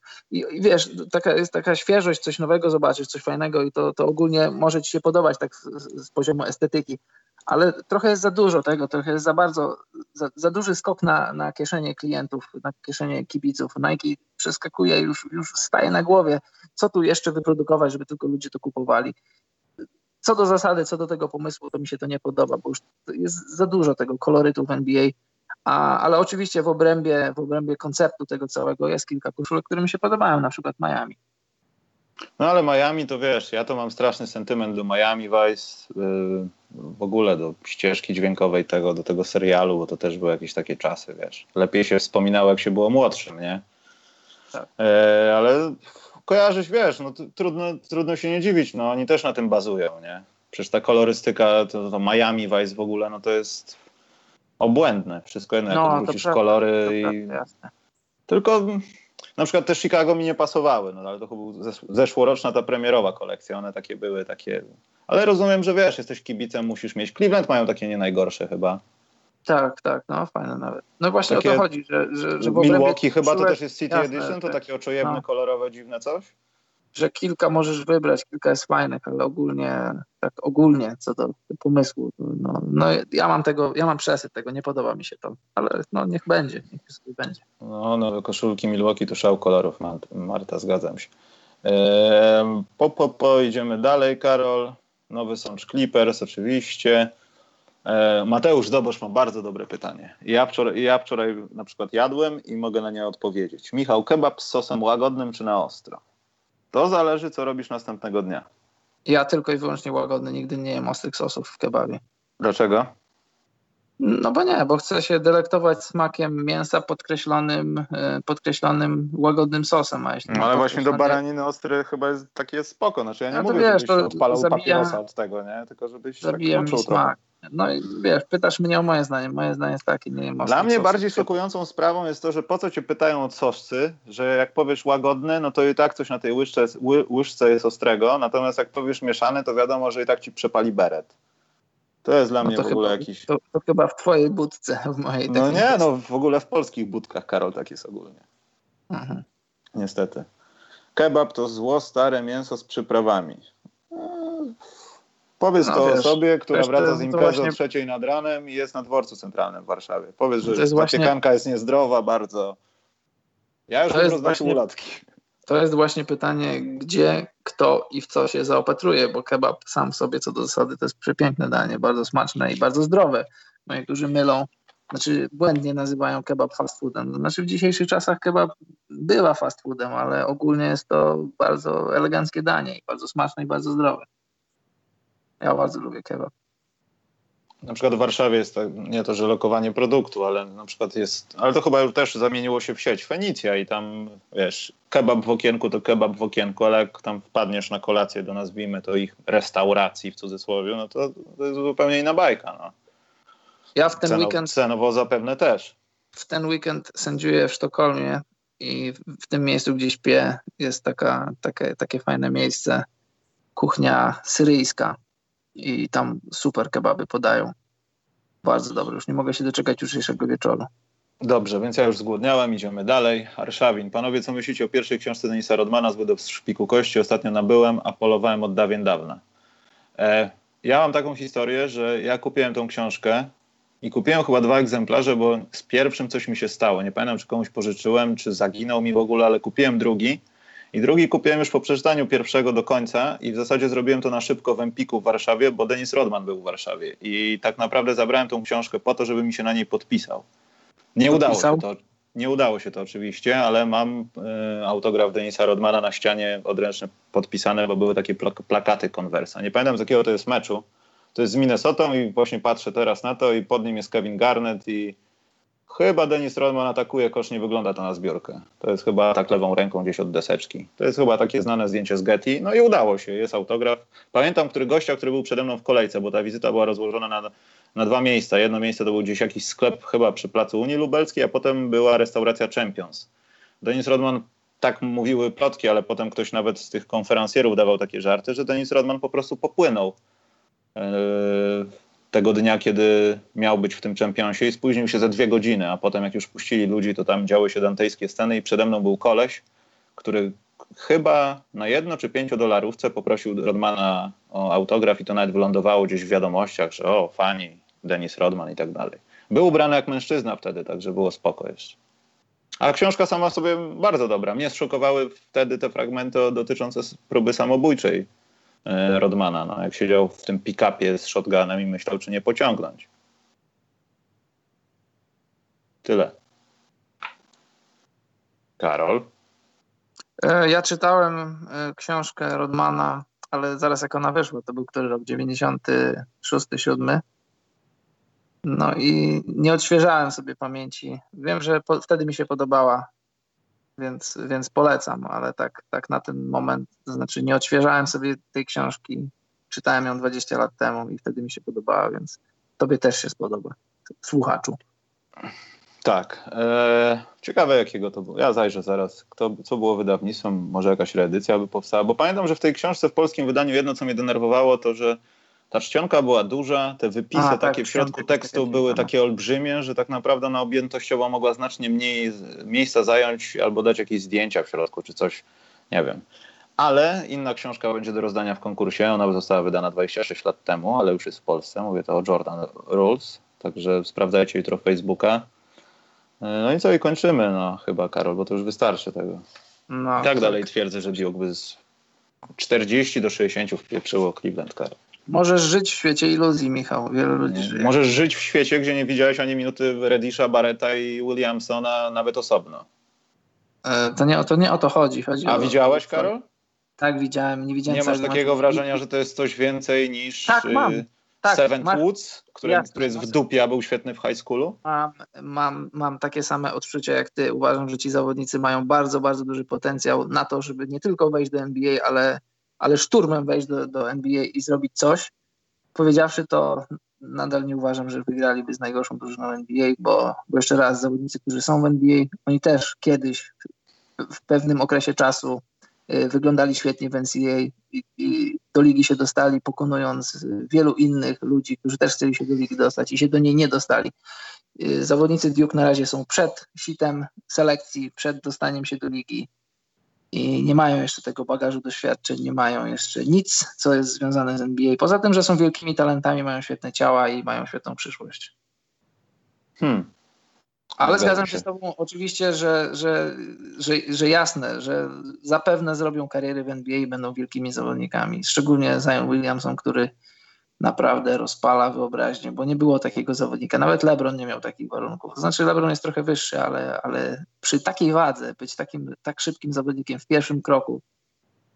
E, znaczy wiesz, tak jak powiedziałem, największym minusem ciążącym, a prawdopodobnie to się stanie, nie ma już takich ludzi niezniszczalnych jak AC Green, e, że gdzieś się zacznie, że gdzieś się skontuzjuje, a przy takiej wadze, masie, no to to jest tak samo jak wypadek, nie chcę Karol pić do ciebie, no ale wypadek z tirem, a wypadek z drugim samochodem. Siły są bardzo podobne dwóch pojazdów, ale jak dochodzi do uderzenia, no to jest większa energia, no i więcej rzeczy kończy się strasznie. Tak, ale wiesz, z drugiej strony też jak patrzymy na te takie wybryki natury, fizyczne wybryki natury, to też wydaje mi się, że trochę zapominamy o tym, że, że, że to idzie w całym pakiecie, że jeżeli już jesteś jakimś superatletą, to zazwyczaj te twoje ścięgna, więzadła, chrząstki, one też są trochę lepsze niż u, u przeciętnego człowieka. No może Derrick Rose tego nie potwierdza, bo, bo jemu się dużo rzeczy posypało w organizmie, no ale jak zwrócisz uwagę, Szak przy swoich gabarytach, on, on przez większość swojej kariery nie miał jakichś wielkich kontuzji. Dopiero pod koniec tam zaczęła dokuczać noga, Achilles, kolano, ale w latach świetności nie, nie miał żadnych kłopotów ze zdrowiem. Jordan, wielki, wielki, wielki wybryk natury, jeden wielki wybryk natury. Oprócz tej złamanej stopy w drugim sezonie e, swojej kariery w NBA też nie miał kłopotów ani z kolanami, ani, ani, ani z biodrami. Do Penego strzelali też, i też nie miał kłopotów. No, do, kogo strzeli? do Penego strzelili mu w nogę, nie? E, nie pamiętam. Wiesz, być może, być może, tak, tak. No, ale wiesz, Penny, właśnie Penny się posypał, Grand Hill się posypał. Oni byli fizycznie też świetni, ale, też, ale nie byli takimi fizycznymi frikami. Posypali się, no bo, no bo ludzie się sypią w sporcie. To prawda. E, właśnie, Karol, ostatnie pytanie i spieprzamy, bo jesteśmy to winni, już mówiliśmy to jakiś czas ten, e, o tym Milwaukee Warriors. Tak? Tak, Maciek, Monson Cleveland, tylko że nie wiem, czy jutro. Tak jest, Maciek. No, jutro mam dobry mecz. Dwie niepokonane drużyny będą walczyły i nie powiem, sytuacja dla Monsonu nie jest za korzystna z różnych przyczyn. Nieważne. Yy, ten, yy, oglądałeś jakie, Karol, spostrzeżenia? E, z tego meczu Cleveland, e, nie Cleveland, tylko Golden State e, Milwaukee? Owszem, myślę, że będziemy w poniedziałek albo wtorek o tym rozmawiać, bo to będzie na pewno w podsumowaniu tygodnia. No ale co, co Karol zauważyłeś? Bo ja też coś zauważyłem, kilka rzeczy, w zasadzie nieistotnych. Ja oglądałem tylko drugą połowę, nie mam aż, aż tak wielu spostrzeżeń. Muszę sobie odtworzyć pierwszą. Wiem, że wiem, że Draymond Green nie grał, wiem, że jakiejś kontuzji nogi, miejmy nadzieję, że nie groźnej, dostał Ste doznał Steph. Mm. E, że świetnie grał Janis, ale nie oglądałem pierwszej połowy, w której wiele się wydarzyło. W drugiej to już było tylko dobijanie Warriors, więc nie mogę za dużo powiedzieć. Tak, dla mnie to jest dokładnie to samo. W sensie z tego spotkania nie da się nic wyciągnąć, bo Golden State po prostu, no. Wiem że, wiem, że z Greenem to nie byłoby najgorzej. W sensie wiadomo było, że nie, może nie zagrać, że nie zagra i tak dalej. Zespół by jakoś specjalnie nie cierpiał grając ze świetnym Milwaukee. Natomiast no, to, co się stało z Karem, to już nawet spowodowało to, słuchajcie, no, no dobra, no już chyba nie ma co, wiecie co, musimy się wyluzować, yy, bo i tak ich nie dogonimy, chociaż w czwartej kwarcie zrobiliśmy robotę, bo oni chyba wygrali czwartą kwartę, mówię o Warriors. No ale w trzeciej, no Bucks tam ile, 35, 41 punktów w kwarcie, no tak jak powiedziałeś, no dobili ich trochę. No. no. Ale nie sądzę, żebyśmy mogli wyciągać cokolwiek, że oho, to Milwaukee Golden State to będzie finał. Myślę, że nie, nie, nie widzieliśmy no, znaczy... Warriors, to byli tacy Warriors, wiesz, nie, tacy, eh, poczytajmy co, co się dzieje na podcaście specjalnym, posłuchajmy podcastu z Marcinem Gortatem, bo ten mecz nas trochę i tak nie interesuje. No to są takie mecze, o, o, takich meczach czasem się mówi, że to są jakieś tam statement games, ale ja, ja nie wierzę w takie rzeczy, bo mamy, mamy listopad, a to, to, co się będzie działo w kwietniu, w maju i w czerwcu, to nie będzie mieć za dużo wspólnego z tym, co się wydarzyło dziś, wczoraj, czy, czy jutro, czy w najbliższych tygodniach. No, to, no tak to jest. No. Ton Maker wrócił i też trochę powiedział Brogdon po meczu. E, widziałem konferencję, nasze konferencje, tam jakieś wypowiedzi były. E, Brogdon chyba powiedział, że to wzmaga naszą tam jakąś pewność siebie i tak dalej. I w sumie to trochę racja, tylko, e, no, tylko nie, że, ciesz, nie cieszmy się za bardzo. Tylko, ja że właśnie problem tak jest taki. Cieszył problem właśnie jest taki, że drużyny, które znają swoją wartość, mają gdzieś takie mecze, no bo Warriors są lepsi niż, niż Bucks, a, a z Bucks może być kłopot, znaczy nie, nie spodziewałem się, żeby było, tam jest y, trener z głową na karku i też doświadczeni zawodnicy, że czasami trochę ludziom zaczyna się za dużo wydawać, za, za, za wielkie wnioski wyciągają z wygranych takich właśnie pojedynczych meczów i y, fajnie, że Brogdon cieszy się z tego meczu, że to, że to podbudowuje ich pewność siebie, bo powinno, na pewno powinno, ale też za, za bardzo wniosków, zbyt daleko idących wniosków nie wiem co wyciągać po takim meczu. Z wypowiedzi Arszawina i Grandmastera mogę wyciągnąć jedno, że jak będą Warriors tak długo pajacować, to wygrana Milwaukee może nie być tą pojedynczą wygraną, niespodzianką i to dotyczy też kilku ekip, które no, trochę napsuły krwi Warriors w tym sezonie. Z dwoma już przegrali, z kilkoma byli blisko, żeby przegrać. E, to też, to też cierpienie i to też wybijanie z rytmu. No. Ale to dobra, będzie marzec i będziemy mówili o to jak zwykle jest. Dobra, Karol, uciekamy. Słuchajcie, dzięki za dzisiaj. Sorry, że mnie urwało, ale telefon muszę właśnie oddzwonić zaraz. Y, zapraszam wszystkich na koncertowa Staples Center jutro o 16. Monson Tsunami. Kto będzie sędziował? E, być może sędzia, który jest tutaj na czacie, a mhm. być może ktoś inny, nie wiem. E, Maciek, będziesz musiał z odtworzenia, bo myśmy wjechali o Terry, Terry Rozierze, to już 10 razy, Terry Rozier. Ale wcześniej e... mówiłeś to lepiej. Tak, teraz, teraz tak, bo za dużo po polsku mówiłem. I to dlatego. No nie ma problemu. E, I na koniec do patrona Adama, chłopie, sprawdź swojego maila, bo nie mam twojej odpowiedzi. I tak będę wysyłał w przyszłym tygodniu, e, bo nie miałem czasu za specjalnie się zająć tym w tym, ale dawajcie, da, dawajcie, dawaj swój adres chłopaku, bo nie będę czekał. Znaczy i tak czeka na ciebie to, co czeka, ale wszyscy wysłali, czekam na ciebie w zasadzie tylko. Dobrze, Karol, czas na twoją se sentencję sektora, sektor tatuśka by, był taki okrojony, także Karol zbieraj coś, nie wiem, notuj coś. Dobrze. E, że było na poniedziałek bądź wtorek. To poinformujemy was w weekend. No i jutro konkursik, sprawdzajcie, patronajty, Facebooki, wszystko. Posłuchajcie jeszcze z 200 razy Marcina Gortata, może będziemy w karcie na czasie z milionem wyświetleń. No i co? Do, do za kilka dni. Trzymajcie Dobrze. się czołem. Drodzy słuchacze, dziękujemy za dziś i pamiętajcie, najlepsza drużyna NCAA nie wygrałaby z najgorszą drużyną NBA. Dobranoc, mili ludzie. Dlaczego mi to zrobiłeś, jak się pożegnałeś? Oczywiście, że mieliby szansę wygrać, tak to ujmijmy. Zion Williamson, szanse szans, zawsze. Ale, ale nie 5, 30 co najmniej. Człowieku, Dobrze, przejechaliby dobra. po tym Sextonie jak walec po asfalcie. Tak, tak. Tak, tak. Dobra, Karol, sentencja, ale bez wycieczek. Dobranoc, mili ludzie.